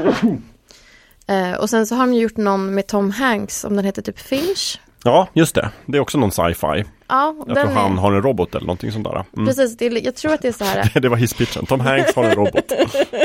det är allt man behöver veta. jag tror att det är långt i framtiden. Ja. Eh, och allt vatten har tagit slut. Åh nej. Och det är väldigt, väldigt varmt. Vad så man kan ty typ inte vara ute. Ja, men han har så här, han har värsta systemet. Eh, han har liksom byggt typ en bunker eller mm. hittat en bunker. Har du sett den här filmen? Ja. Mm, okay. Om jag kommer ihåg, om jag inte förväxlar med en annan ja. film. Eh, och så har han byggt den här roboten och det är hans enda kompis. Eh, men så händer det någonting som gör att de måste ge sig ut och då måste han hitta, han måste liksom få till en bil som kan färdas en sträcka utan att de dör av värme. Mm. Eh, och så är det liksom deras äventyr i bilen. Fattar. Väldigt gullig, fin och hjärtskärande. Ja, får man liksom starka Tom Hanks-vibbar? Ja. Eh, Han är älskvärd. Ja, ja, alltså jag hatar ju Castaway. Gör du? Ja. Varför då? Du hoppas att de ska bli kvar på den där jävla ön? Men jag vet inte, jag tycker, jag tycker det är så töntigt med volleyboll. det låter som att jag är hjärtlös människa, men, men jag har jättesvårt för det, men jag ty- älskade Finch. Vad heter bollen? Eh, Nelson eller Nelson. Wilson. Wilson. Wilson. Wilson. Det är så sorgligt när Wilson drunknar och du bara skrattar. Och det är ju lite extra roligt eftersom hans fru heter Rita Wilson. ja, det är roligt. Kanske var det han tänkte på när han mm. spelade in scenen. Där, ja, precis. Därför... Men du och jag, vi ska gifta oss. ja. Castaway alltså, vilken guldrulle. Tycker jag. Ja, men den, den, är i alla fall väldigt mysig. Den ska man se om man inte har sett den. Mm. Ska jag säga. Just det, det är bra. Sen har de ju också någon, eh, de har ju någon animerad långfilm som heter Tur, som jag inte har sett dock. Just som det. ju var, de hade ju något samarbete, eller de har fortfarande tror jag ett samarbete med Skydance Animation Studios. Mm. Fast nu tror jag de precis avslutat det. Men eh, för det var ju också, det var ju filmen han var regisserad bland annat av John Lasseter. Som, han var ju på Pixar innan han blev liksom cancellad därifrån. Mm. Eh, på grund av dåligt uppförande. Då började han jobba på Skydance så tror jag de köpte in den filmen. Okay. Den ser väldigt mycket Pixar ut. Ja, jag började faktiskt kolla på den häromdagen för att jag tänkte mm. den är ju ändå animerad. Ja, och det handlar om katter. Ja, men eh, så tittade jag kanske så här, tio minuter på den och kände så här, det här är för mycket barnfilm för mig. Mm, just det, ja men det är en barnfilm. Ja. ja. Just det. Men vissa barnfilmer är ju också vuxenfilmer. Det är sant. De bästa Pixar-filmerna till exempel. Precis, men den här kändes som att den bara mest var en barnfilm. Men kan vi gräva lite i det här påståendet som du brukar säga Amanda? Jag tror att Apple TV är det nästa HBO. Det har du sagt tre, mm. fyra gånger i chatten. Mm. Eh, vad tänker du då? Är det för att det finns så mycket bra eller är det för att det finns så lite dåligt? Ja, det är, Eller väl, något annat. ja, det är väl en kombination av båda, men, men att de har så, de har dels en så otroligt eh, hög lägstanivå Mm. eh, och sen så har mycket av mina liksom, alltså favoritserier verkligen de Mm. senaste åren, de kommer från Apple TV. Ja, samma här. Eh, där det är liksom så här, det, det görs ingenting som är så här smart och roligt och liksom välberättat Mm. eh, och bra karaktärer och liksom verkligen så här superbra innehåll. Eh, Bra produktion. bra produktion. Mm. Mm. Eh, och också att de inte är rädda för att det är så här, om vi pratade om hur de var i början, att det var liksom rätt slätstruket. Ehm, och att det kändes som att så här, gud det här kommer floppa för Ja. ingen får säga en svordom. Mm. Det känns som att de verkligen har kommit ur den fällan. Ja, det tror jag nästan var alltså, bland det smartaste de gjorde. För att alltså, spontant, det är precis som med Amazon. Man tänker liksom att, att, att liksom ett teknikbolag kanske inte automatiskt är superbra att producera innehåll. Men det de verkar ha förstått är ju att okej, men då anställer vi några som kan det. Och då, nu minns jag inte riktigt namnet, men jag har ju skrivit upp dem här så jag ska kolla vad de heter. Eh, de rekryterade ju två personer som har jobbat på Sony Television. Mm. Nämligen Zach van Amberg och Jamie Elrist. Som är då deras Head of Worldwide Video Programming. Som, som styr och st- över liksom Apple TV+. Plus. De verkar, vad jag förstår, så verkar de få göra det ganska ostört. Men sen har de väl också framför allt rekryterat Morgan Vandel. Som eh, Head of International Content Development. Och Morgan Vandel har ju jobbat på både ABC förut, han jobbade med bland annat Lost. Han, han är så executive producer. Mm. Så att han får tv-serier att hända. Han gör dem inte själv men han liksom ser till att de händer.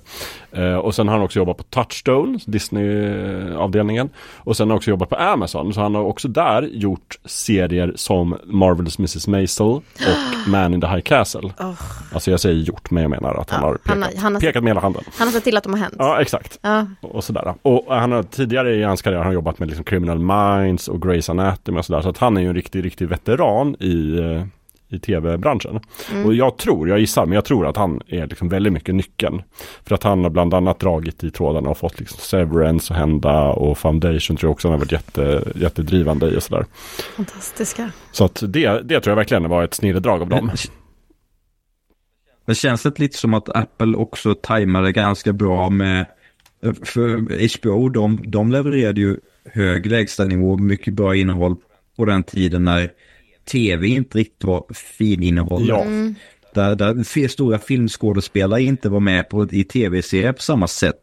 Nu är det ju det, är de ju det och, och det har ju Apple TV eh, Plus också eh, dragit fördel av. Att de, de kan ha hög, högproducerade högkvalitetsserier med, med liksom storskådespelare. Jo men det tror jag också. Eh, och, ja, så HBO har lite gjort förarbetet och, och Apple kan eh, stjäla deras look. Ja. Ja, men de har också varit väldigt bra på, alltså så här, det är en väldigt hög ratio av jättekända personer. Ja, och där hjälper ju, där tänker jag att Apples nästan bottenlösa skattkista hjälper Ja. till. Att så här, om de Mm. vill bygga upp en ström, strömmande tjänst så är inte pengarna ett problem. Utan de kan köpa in Hanks och Spielberg och, och Oprah Winfrey och allt. Och de kan ändå ge, eh, inte liksom i praktiken kanske inte obegränsad budget för alla tv-serier. Men alla ser ju väldigt, liksom, de flesta ska jag säga, ser väldigt påkostade ut. Mm. Ehm, Och de, de kan ju släppa en serie som får mycket uppmärksamhet men som kanske inte går jättemycket. Och det, det knäcker inte bankboken eh, på något sätt. nej, precis. Eh. Jag menar, Apple skulle ju kunna driva Apple TV Plus utan prenumeranter i liksom 10-15 år åtminstone utan problem. Om de Mm. ville, sen vill de ju inte det såklart. Men, men eh, liksom, det hjälper ju att ha pengar i den här branschen. Så är det. Eh, Och det känns inte heller som att det gör, alltså det är inte så att de bara har gjort liksom fem av fem serier. Eh, det känns ju som att det typ inte riktigt gör så mycket för dem heller om det floppar. Nej, Alltså det är lite skitsamma för just på grund av den här stora skattkistan de har. ja precis. Jo, jag vet. Och sen är det ju liksom, det är lite sådär, man kan jämföra med HBO är intressant för att som sagt, HBO hade ju lite den här rollen att liksom, ja men du kan öppna HBO förut och slå på nästan vilket som helst. Och det kanske inte kommer vara din favoritserie men det kommer vara väldigt bra. Det kommer vara Mm. liksom påkostat. Det kommer vara bra manus. Det kommer vara bra skådespelare. Det kommer vara prestige. Sen har ju det sammanfaller också ganska fint med att HBO har ju liksom lite granna bytt inriktning nu eftersom att de har gått ihop med liksom Max och nu är det HBO Max och de liksom slänger filmer Mm. bara för att de ska kunna göra en skatteavskrivning och liksom överlag. Det känns inte riktigt som att HBO är HBO längre. Eh, för att det är så mycket runt omkring som är väldigt rörigt. Eh, och jag tappade tråden, vad var det jag skulle säga? Men det känns ju som att, alltså det, det tänker jag mig att så här, det man märker med Apple är att de är inte så påverkade av ekonomi. De skulle, de skulle aldrig skriva av. Ja, nej precis, nej och det var det jag skulle säga. Eh, för, för typ HBO och Netflix så är det här hela deras business. Men för till exempel Amazon och Apple så är det här bara en del av deras stora strategi. Och för Apple handlar det väldigt mycket om att så här, vi måste liksom öka vår tjänsteomsättning. Vi vill också erbjuda liksom mervärde till de som har en iPhone och till Apple TV det är liksom, de står inte och faller med Apple TV Plus och då kan de göra helt andra liksom, avskrivningar. Alltså om den kostar pengar, om den liksom drar ner. Om de inte tjänar tillräckligt mycket pengar på den så är det inte det, de står inte och faller med den. Nej, precis. Utan för dem kanske det mer handlar om att ja, men vi vill liksom lyfta våra andra märken och vi vill få in prenumeranter. Det känns väl lite mer som att så här, både på Prime och liksom Amazon Prime och eh, Apple TV att de, det är lite mer som deras lekstuga. Ja, lite så. Och då, det är också så här, det är också då magi kan uppstå. Mm. Om man inte bara tittar på typ resultat och att det ska gå runt och att, mm. så här, att man ska göra vinst, vinst, vinst de är säkert måna om att mm. göra någon typ av vinst. Men det blir liksom... Men de kan ha ett annat perspektiv som är så här, till exempel så sägs det mycket om Netflix. Så här att de sällan liksom godkänner mer än tre säsonger av en serie. Även om mm. den är liksom ganska framgångsrik så är det så här, men efter tre säsonger blir den så dyr. Uh, Apple verkar inte ha det utan de verkar ju så här investera på en serie. Och liksom verkligen kanske betala för flera säsonger i taget om de tror på den. Uh, och kan tänka lite mer långsiktigt för att de har den lyxen. Mm. Så kan man ju tänka. Och, och, Men det är väl en innehållsstrategi också för om Netflix ska kunna ha så mycket innehåll mm. kan de ju inte finansiera individuella serier så länge. Ja, nej, precis. Medan Apple TV och, och eh, Amazon och HBO, de kanske investerar sina pengar i ett fåtal serier och om de går bra så, så är det deras mått på framgång. Mm. Medan Netflix kanske de har mer av, vi har så här mycket innehåll, vi har så här mycket som kan locka in folk med olika smak. Men i gengäld, vi kan inte investera så mycket i den här smaken. För vi måste ha de här, de här, de här, de här spåren mm. också. Ja, precis. Det är verkligen. Och sen är det en, en, en till del av allt det här som jag inte riktigt vill prata om för jag tycker det är så himla tråkigt. Men sport är ju också en jättestor grej i både liksom Apple TV Plus och Amazon Mm-hmm. Det känns som att alla de här streamingtjänsterna håller på att försöka få sport att fungera på streaming. Ah. Och, det, jag, och jag är så här, jag lyssnar på flera poddar om det här när de försöker prata om liksom så här, hur ekonomin ser ut i sport i USA och så här. Och jag bara, jag kan inte lyssna på det, jag tycker det är så tråkigt. Ah. Jag är så ointresserad av sport. Fast jag tycker egentligen att det finns någonting intressant där, för det är precis som liksom tv-serie grejen, för det är innehåll som folk vill se och ja. det handlar om att knyta deals med liksom kända sportligor och så här, men jag bara somnar ifrån det så att jag kan inte uttala mig om det. Men jag vet att Apple har lagt en massa pengar och bitvis budat på det och liksom och, och, de har ju också tänkt, jag tror hela det här headsetet de har släppt nu Just det. är ju tanken att det ska bli liksom härlig immersiv sportupplevelse och så. Men jag, jag, kan liksom inte intressera mig för det. Nej men det är ju också så här, det, det är ju så dyrt. Alltså om man typ också har en tjänst som erbjuder sport, då kostar den ju typ tusen kronor i månaden. Ja, det, för, det för Apple har ju, jag tror det är någon sorts baseballgrej Mm. Och så. Men, men Nej, men MLS. MLS heter ja. det, precis. Tack, vi har ju en mm. sport. Mm. Du, du tittar ju på riktig sport ibland, jag vet. inte, inte, inte baseball, Nej, men okay. jag kommer ihåg att de men, har det, Men det kostar i alla fall extra. Det är ett extra abonnemang man köper i tjänsten, mm. så det är som en extra kanal. Liksom. Eh, och sådär. Det skulle aldrig falla mig in att göra. Nej, hade, du hade inte fått valuta för pengarna. Nej, det hade jag verkligen inte fått. Så, men jag bara såg att det fanns. Men det är också, jag tycker att det där är, jag är inte heller någon sportperson alls. Men eh, den enda sporten jag har kollat på är konståkning. Eh, ja. Och i väldigt många år så hade ju SVT konståkningen och mm. då fick man se på den. Eh, sen så tror jag att Eurosport köpte upp det. Ja. Och sen dess har jag typ inte kunnat kolla för att det finns typ, de, det är som att de har köpt det och sen har de så sopat in det i ett hörn mm. och lagt över en matta. Det är Oj. helt omöjligt att se på det. det känns som en dålig investering spontant. Grävt ner det och stampat ja, på det. Och... Typ. Uh, och det känns ju skittråkigt. Så ja, det kan ju verkligen också vara så att så här, köper fel bolag upp sporten så blir den också väldigt otillgänglig. Och ja, det kan ju vara tråkigt. Men är det för att de har köpt ett paket och så fick de konståkningen liksom på köpet och de bara det här, ja, lägg den där borta. Vi säger att det ska gå okay. där men sen så... Ja, men så känner jag inför all sport. ja. Ja, men alltså jag är i alla fall, de får gärna ha sport, men jag är jättenöjd så länge jag inte behöver betala för att ha, få sporten. Utan de som Mm. vill ha sport kan få betala extra, tycker jag. Jag vill se sci-fi och crime och feel good. Då är det ju roligare när de gör som ett Ted Lasso. Det är indirekt sport. Ja, just det. Jo, men, Men- det kan jag ju köpa. men det är feel absolut. good man oh, ja, får, ja, ja, liksom. ja. Nej, men det... det, det blir Men jag måste säga att jag tycker att eh, Apple, Apple-upplägget är vettigt för låt säga att de skulle introducera NHL-hockey. Ja, Som jag är intresserad av. Ja. Eh, och man skulle kunna lägga till det som ett eh, sån här, så här prenumeration vid sidan av Apple TV+. Plus. Mm. Eh, då skulle jag ju gärna göra det istället för som det är nu med Viaplay att du måste betala för alla andra jäkla sporter Ah. för att kunna kolla på den sporten du verkligen ja vill titta på. precis. För idag måste du betala för Viaplay om du ska se hockey. Gör, Ja, gör du i det? Sverige. Ja. Och då betalar du för massa annan Eh, sport också. Nej. Jag använder VPN för att titta på det på den, den riktiga tjänsten. Ah, smart. Smart. Okej. Bra lifehack där. Hoppas inte Viaplay lyssnar. Jag kan inte tänka mig. nej. Eh, ja, nej men jag bara tänkte en sak som när jag tänker på det som att ja, men det här är nog liksom det nya HBO så menar jag i alla fall det just att det är liksom så här att de försöker satsa på väldigt de här liksom ganska prestige genrerna och ganska mycket liksom hög budget och väldigt bra skådisar och bra, verkar jobba mycket med manuset och de verkar vilja att det ska vara en tjänst som folk tänker på som HBO eller motsvarande. Ja, att de verkligen sätter kvalitet i liksom första rummet på något sätt. Ja, och det enda som, som gör att jag liksom ryggar tillbaka det är när man ser att de gör reklam för filmen The Family Plan som de verkar ha köpt med Mark Wahlberg Ah. som ser jättedålig ut. jag tror att det är typ Mark Wahlberg och han har en bebis eller något sådär. Och så, Ja. så händer det saker och det skjuts och måste köra bil eller någonting. Det verkar jättelarvig. Ja, Det låter jätteroligt. Nej.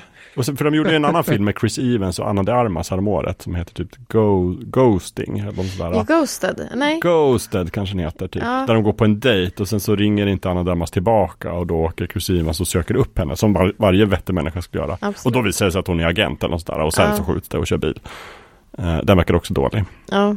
Så det syns ju inte bara bra. Nej, precis. Nej. Och, och så jag menar, det finns ju också, det finns ju en genre att ha ganska dåliga, alltså, alltså skräpiga filmer. Mm. För det har ju ändå sin publik och det kan ju vara, finnas bra exempel på de filmerna. Men, men jag tror aldrig, HBO har liksom aldrig eh, satsat på den genren riktigt. På ett sätt som, alltså Netflix, de verkar ju liksom, de vill ju ha en del som är ganska dåliga sitcoms liksom till exempel. Mm. Men Apple verkar inte vilja det, de verkar i så fall ska vi ha liksom ganska bra, lite mer så här sofistikerade sitcoms. Men de, ja, men för Apple gjorde också någon, eh, em, de släppte en sci-fi förra året tror jag det var. Som handlade om typ så här eh, klimatkrisen gånger 500. Ja, just det. Och det var också jättemånga kända namn. Mm. Eh, men den typ totalfloppa. Alltså det var ingen som tyckte, jag har inte läst någon som tyckte om den. Alla tyckte den var Har- har fruktansvärt sett den? dålig. Nej, för att, den, för att den fick så dålig kritik så Ja. tänkte jag så det där ska inte slösa Men jag såg trailern och jag fick lite sådär att den var alltså intressant koncept men kanske inget jag vill ha en, en dramaserie om utan jag skulle hellre ha en dokumentär eller någonting. Jag vet inte. Lite såhär, lite präktig kanske. Jag vet Mm. inte. Och då kändes det som att de hade gått tillbaka. Jag glömde bara bort att den fanns sen också. Ja, och det är typ det som händer med, med de serierna som inte är bra.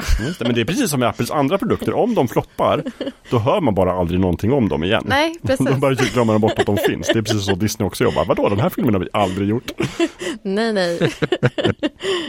Men eh, och jag sa ju också i något avsnitt rätt nyligen att jag trodde att Amazon Prime skulle bli nya. Det var din, eh, din spådom för det här Ja, året ja. ja. Precis. Men jag tycker de startade starkt med Mr. och Mrs. Smith. Ja, det gjorde de verkligen.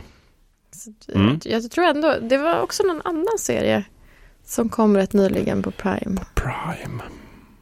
Men det kommer jag inte ihåg. Nej, Nej, vi var tysta i flera sekunder. Vi kom inte på det. Så. det hände inte. Nej.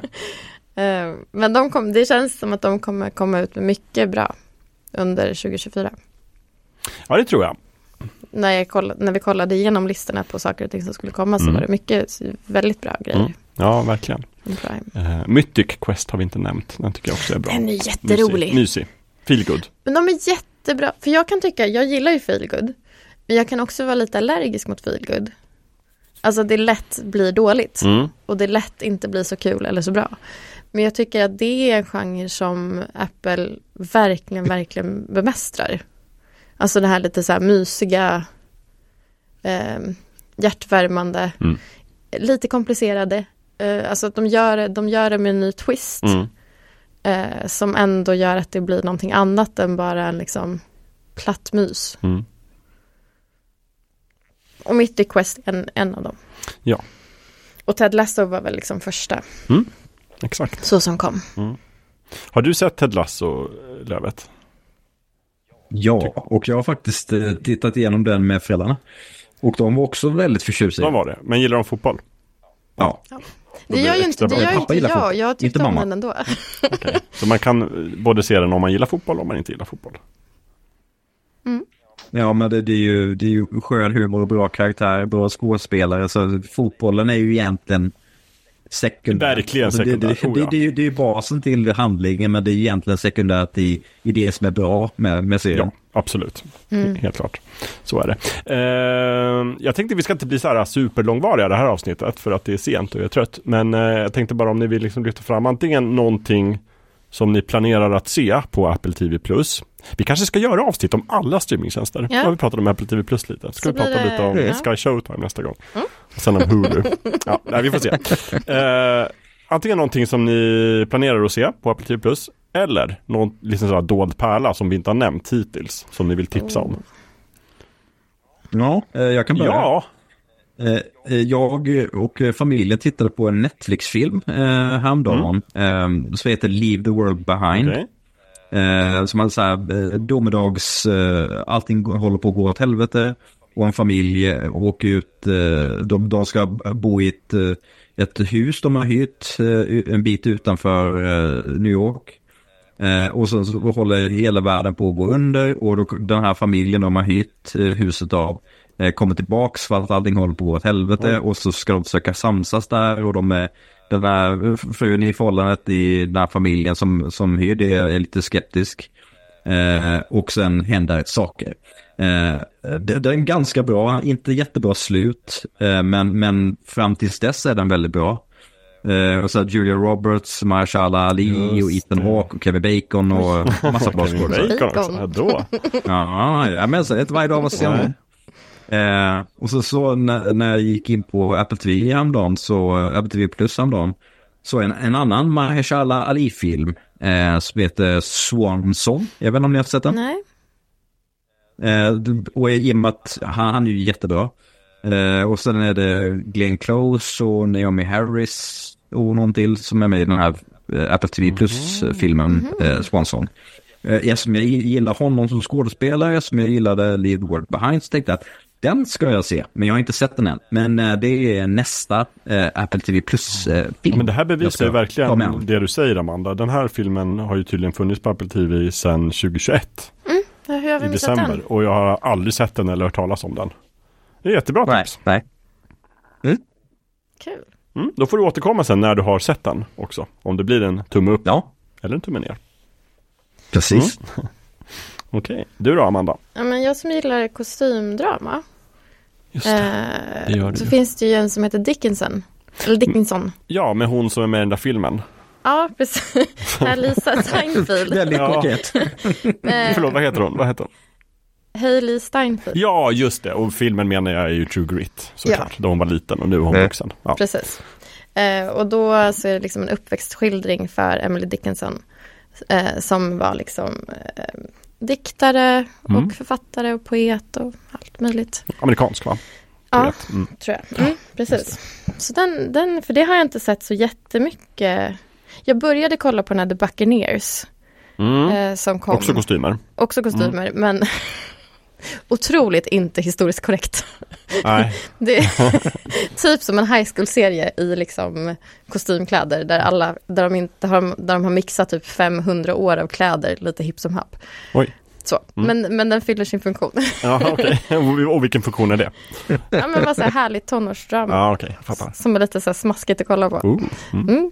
Men eh, så då skulle jag vilja se den här som verkar mer ordentligt gjord. Dickinson ja. Mm. Mm. För det är väl ändå, jag tror den var ganska tidigt ute och den har väl fått en andra säsong nu eller en tredje säsong kanske. Ja, det kanske den har. Ja.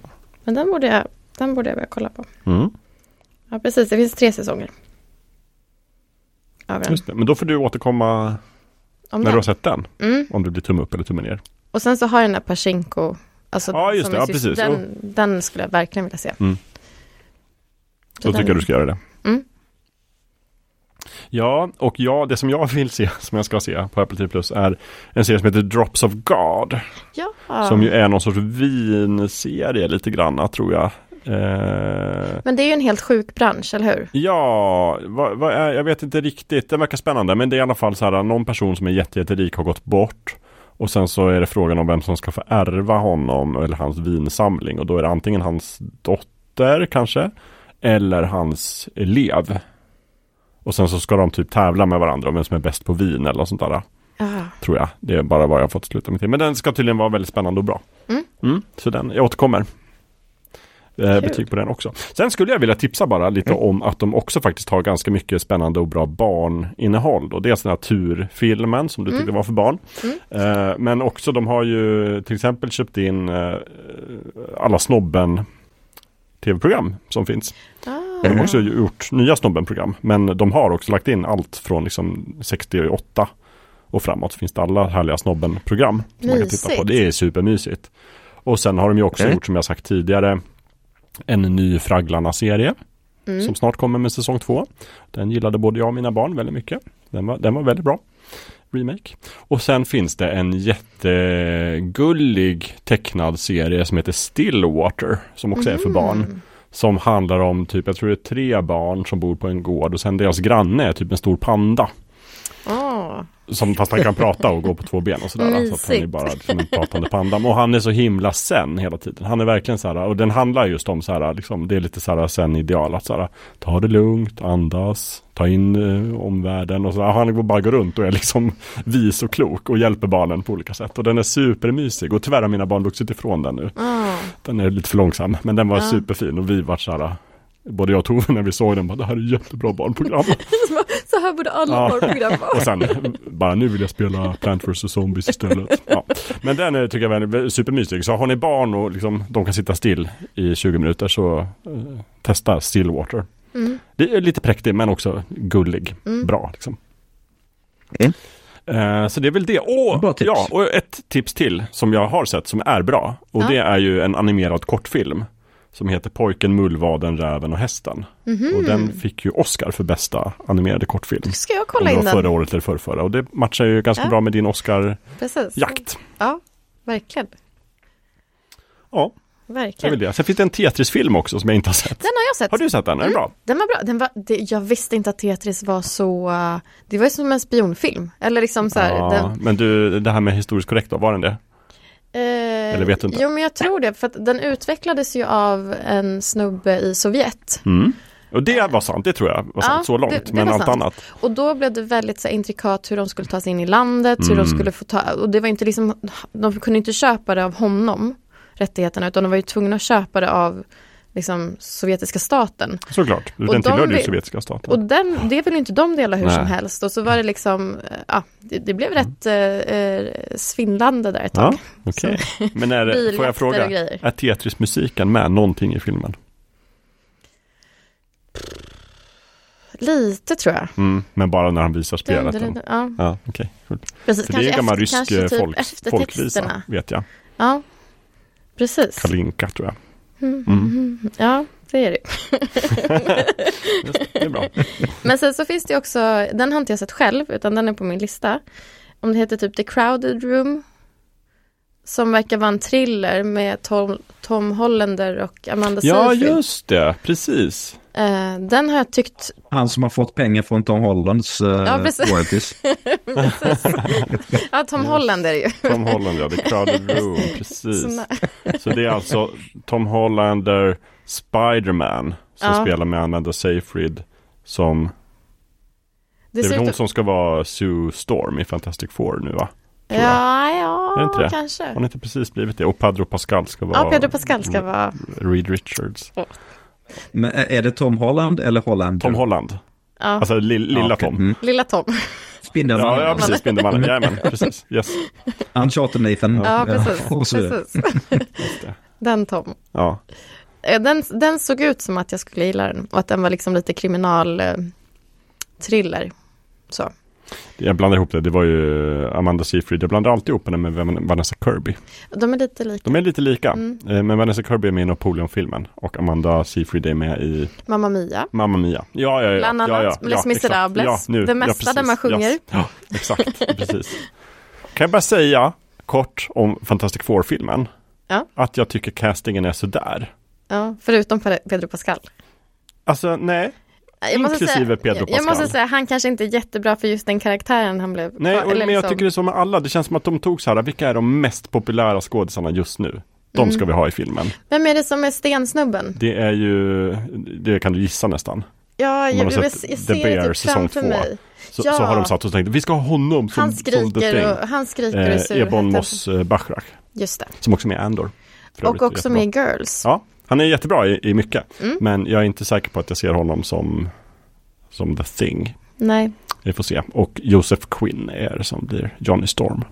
Just det. Mm. Däremot så tror jag att filmen kan bli ganska intressant. För den mm. kommer tydligen, tror jag, verkar som, utspela sig 1963 i Marvel-universumet. Mm. Och de sa att den skulle ha lite granna It's Always Sunny in Philadelphia-vibbar. Vilket jag inte fattar hur det skulle kunna ha det, men det låter kul. Det låter intressant. Förhoppningsvis gör de någonting liksom, galet och lite kul. Och inte dåligt och tillrättalagt som alla andra Fantastic Four-filmer. Nej, precis. Mm -hmm. De har inte haft jättebra Nej, däremot börjar man ju tänka att den första Fantastic Four med, med Jessica Alba och Chris Evans och de var ganska bra sådär ändå. var det inte Var den det? Ja, men jämfört med liksom den, den var ju pajigt bra. Ja, den var väl pajigt bra. Eh, den, den andra filmen. Den eh, första rebooten där. Silver, nej. nej ja, Silver Surfer var ju, det var ju den andra Surfer, med samma gäng. Just och sen det. gjorde de ju en till med ny, nytt gäng. Just som det. var så mm. otroligt dålig. Mm. Och som liksom, det, jag kan inte ens komma ihåg någonting om den. Nej, jag kommer inte ihåg att den finns. Nej, du ser. Men det hade väl studien blandat sig i ganska mycket också. Så här, regissören var ganska butter ja. över hela historien. Men liksom eh, Jessica Alba-eran. Ja. Man kallar den så. Mm, det kan man kalla den. Eh, det var väl också innan man överhuvudtaget hade hunnit tröttna på superhjältar. Ja, det var ju 2005. Så då det, kom var ju, det var ju då de kom. Det var väl liksom, vad hade vi? Vi hade några Spiderman-filmer. Vi hade ja. Fantastic Four. Ja. Det var liksom precis i början där det, take-off. Skulle den ha mm. kommit nu så här tror jag att man hade bara... bara ja, ja, ja, oh, nej, men absolut. Men nu är, kan man ändå tänka tillbaka på den och tänka, ja, det var en enklare tid. Kan ja, man tänka. Ja. Kanske. Ja, jag vet inte. Har du några fler tips, Lövet? Eh, vi ska se, nej jag tror faktiskt inte nej. det. Eller jo, jag kan tipsa om ett, eh, ett Switch-spel. Ja, gör det. Eller en, en, en Switch-samling. Mm. Eh, Another Code Recollection. Eh, fyndigt namn. Eh, för det, det, det, finns en sån pusseläventyrsserie som heter Another Code. Ja. Eh, de har släppt två spel där. Ett till DS, Nintendo DS och en till Nintendo Wii. Mm. Eh, och nu har de släppt en, en, en remaster-samling eh, på Switch som heter Another Code Recollection. Så remaster collection, ah, väldigt fint. Smart. Eh, och eh, det är de utvecklarna, Sync, eh, det är samma gäng som har utvecklat min gamla äventyrsfavorit, pusseldeckarfavorit, eh, Hotel Dusk. Just det! Som jag har tjatat om vid flertal tillfällen. Ja. Mm, mm. Det är inte riktigt, riktigt lika bra liksom pusselsidan av de här spelen är inte riktigt lika bra som den. Men fortfarande väldigt, eh, väldigt intressant och eh, välberättad handling. Eh, och kul pussel. Eh, och den här remastern på Switch eh, ser riktigt bra ut faktiskt. Mm. Eh, så den kan jag varmt rekommendera för er som gillar äventyrspusslande. Vem gör inte det? Mm. Ja, toppen. Då fick vi ett speltips också här i slutet då. Mm. Eh, Amanda, hade du något mer? Jag såg bara att Napoleon, om ja. man nu inte har sett den och inte vill betala biopengar för den, så släppts den första mars. Första mars på mm, Apple TV. då kan man kolla på. Mm, det är bra och då kommer de också släppa, tror jag, jag vet inte om det är exakt då, men jag tror det, eh, den långa, långa versionen. Oj, hur lång är den? Ja, men den, jag tror den är typ, den är så här ohemult lång. Jag tror att den är typ två timmar längre. För det var inte som att det var kort, första filmen, eller liksom biofilmen. jag, jag kollar, det här vill lyssnarna veta, så jag ska kolla ja. direkt hur lång den kommer bli. Men biofilmen var väl typ så 2.45 eller 2.50 och sånt där? Nej, men var den inte över tre? Nej, jag, jag tror den var strax under tre. Jag för mig i alla fall. Nej, just det. Det var, det var Scorsese. Den är, den, den är 157 minuter. Jag vet inte Oj. vad. 57 Jag bara, oj. delat med 60. Den är alltså 2,6 timmar. Ja men det är okej. Filmen, då ska vi se. Det, det känns som att det är standardlängd lite på filmer. Eh, den planerade Directors Cut-versionen kommer Oj, att oj, oj. bli 4 timmar och 10 minuter. Åh herregud, Det är mycket Napoleon det. då får man pausa. Ja. Vad ska fransmännen säga? Ja, jo men precis, då tänker jag att om de är smarta så gör de det till miniserie. Ja. Om de inte är smarta så får man inte pausa och gå på toaletten. Mm. Och sova emellan. ja, precis. Såg ni förresten att de ska göra Beatles-filmer nu? Ja, Alltså biopic. De ska göra fyra, Fyra? stycken. Mm. Varav varje film utspelar sig liksom ur Mm. en Beatles Kan bli bra. perspektiv. lite coolt. Lite coolt. Ja. Är, är du sugen? Jag har aldrig känt att jag har något stort behov av liksom fiktiv Beatles-historia på det Nej. där sättet. Eh, jag har inte gillat någon annan Beatles-film där de liksom spelar karaktärerna. Eh, Just det, var det inte någon som hette typ Nowhere Boy eller något sånt Det där finns jättemånga. som kom för några år sedan där han som är med, han är huvudpersonen i Ki- Kick-Ass, han spelar typ John Aha, Lennon. åh, gud. Ja, nej, jag är inte alls intresserad av det. Någon som, Ja, nej. Men jag ska nog se dem. Jag, tänker att, jag tycker att eh, konceptet är intressant. Mm. Att vi har ett band med fyra personer och så gör vi fyra filmer. Mm. Så att förhoppningsvis kan de liksom, det kan bli spännande. Men jag, jag är inte supersugen. Men det är kul. Kul ändå.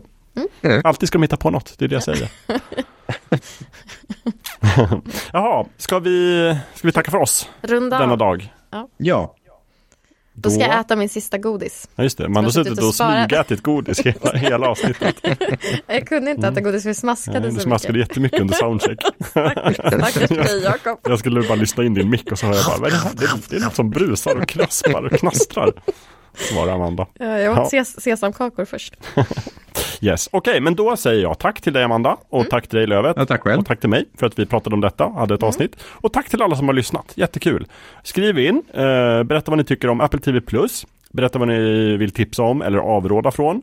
Och om det är något annat ni har på hjärtat så går det också bra att skriva in. Också om det är någon annan så strömningstjänst som ni tycker att vi... Men vilka ska vi prata om nästa gång? Och undersöka. Ja, precis. Ja. Vad ska vi lyfta? Vad ska vi gräva Mm, i? exakt, vilken tål våran granskning? Mm. Det vill vi höra. Och sen så eh, hörs vi nästa månad.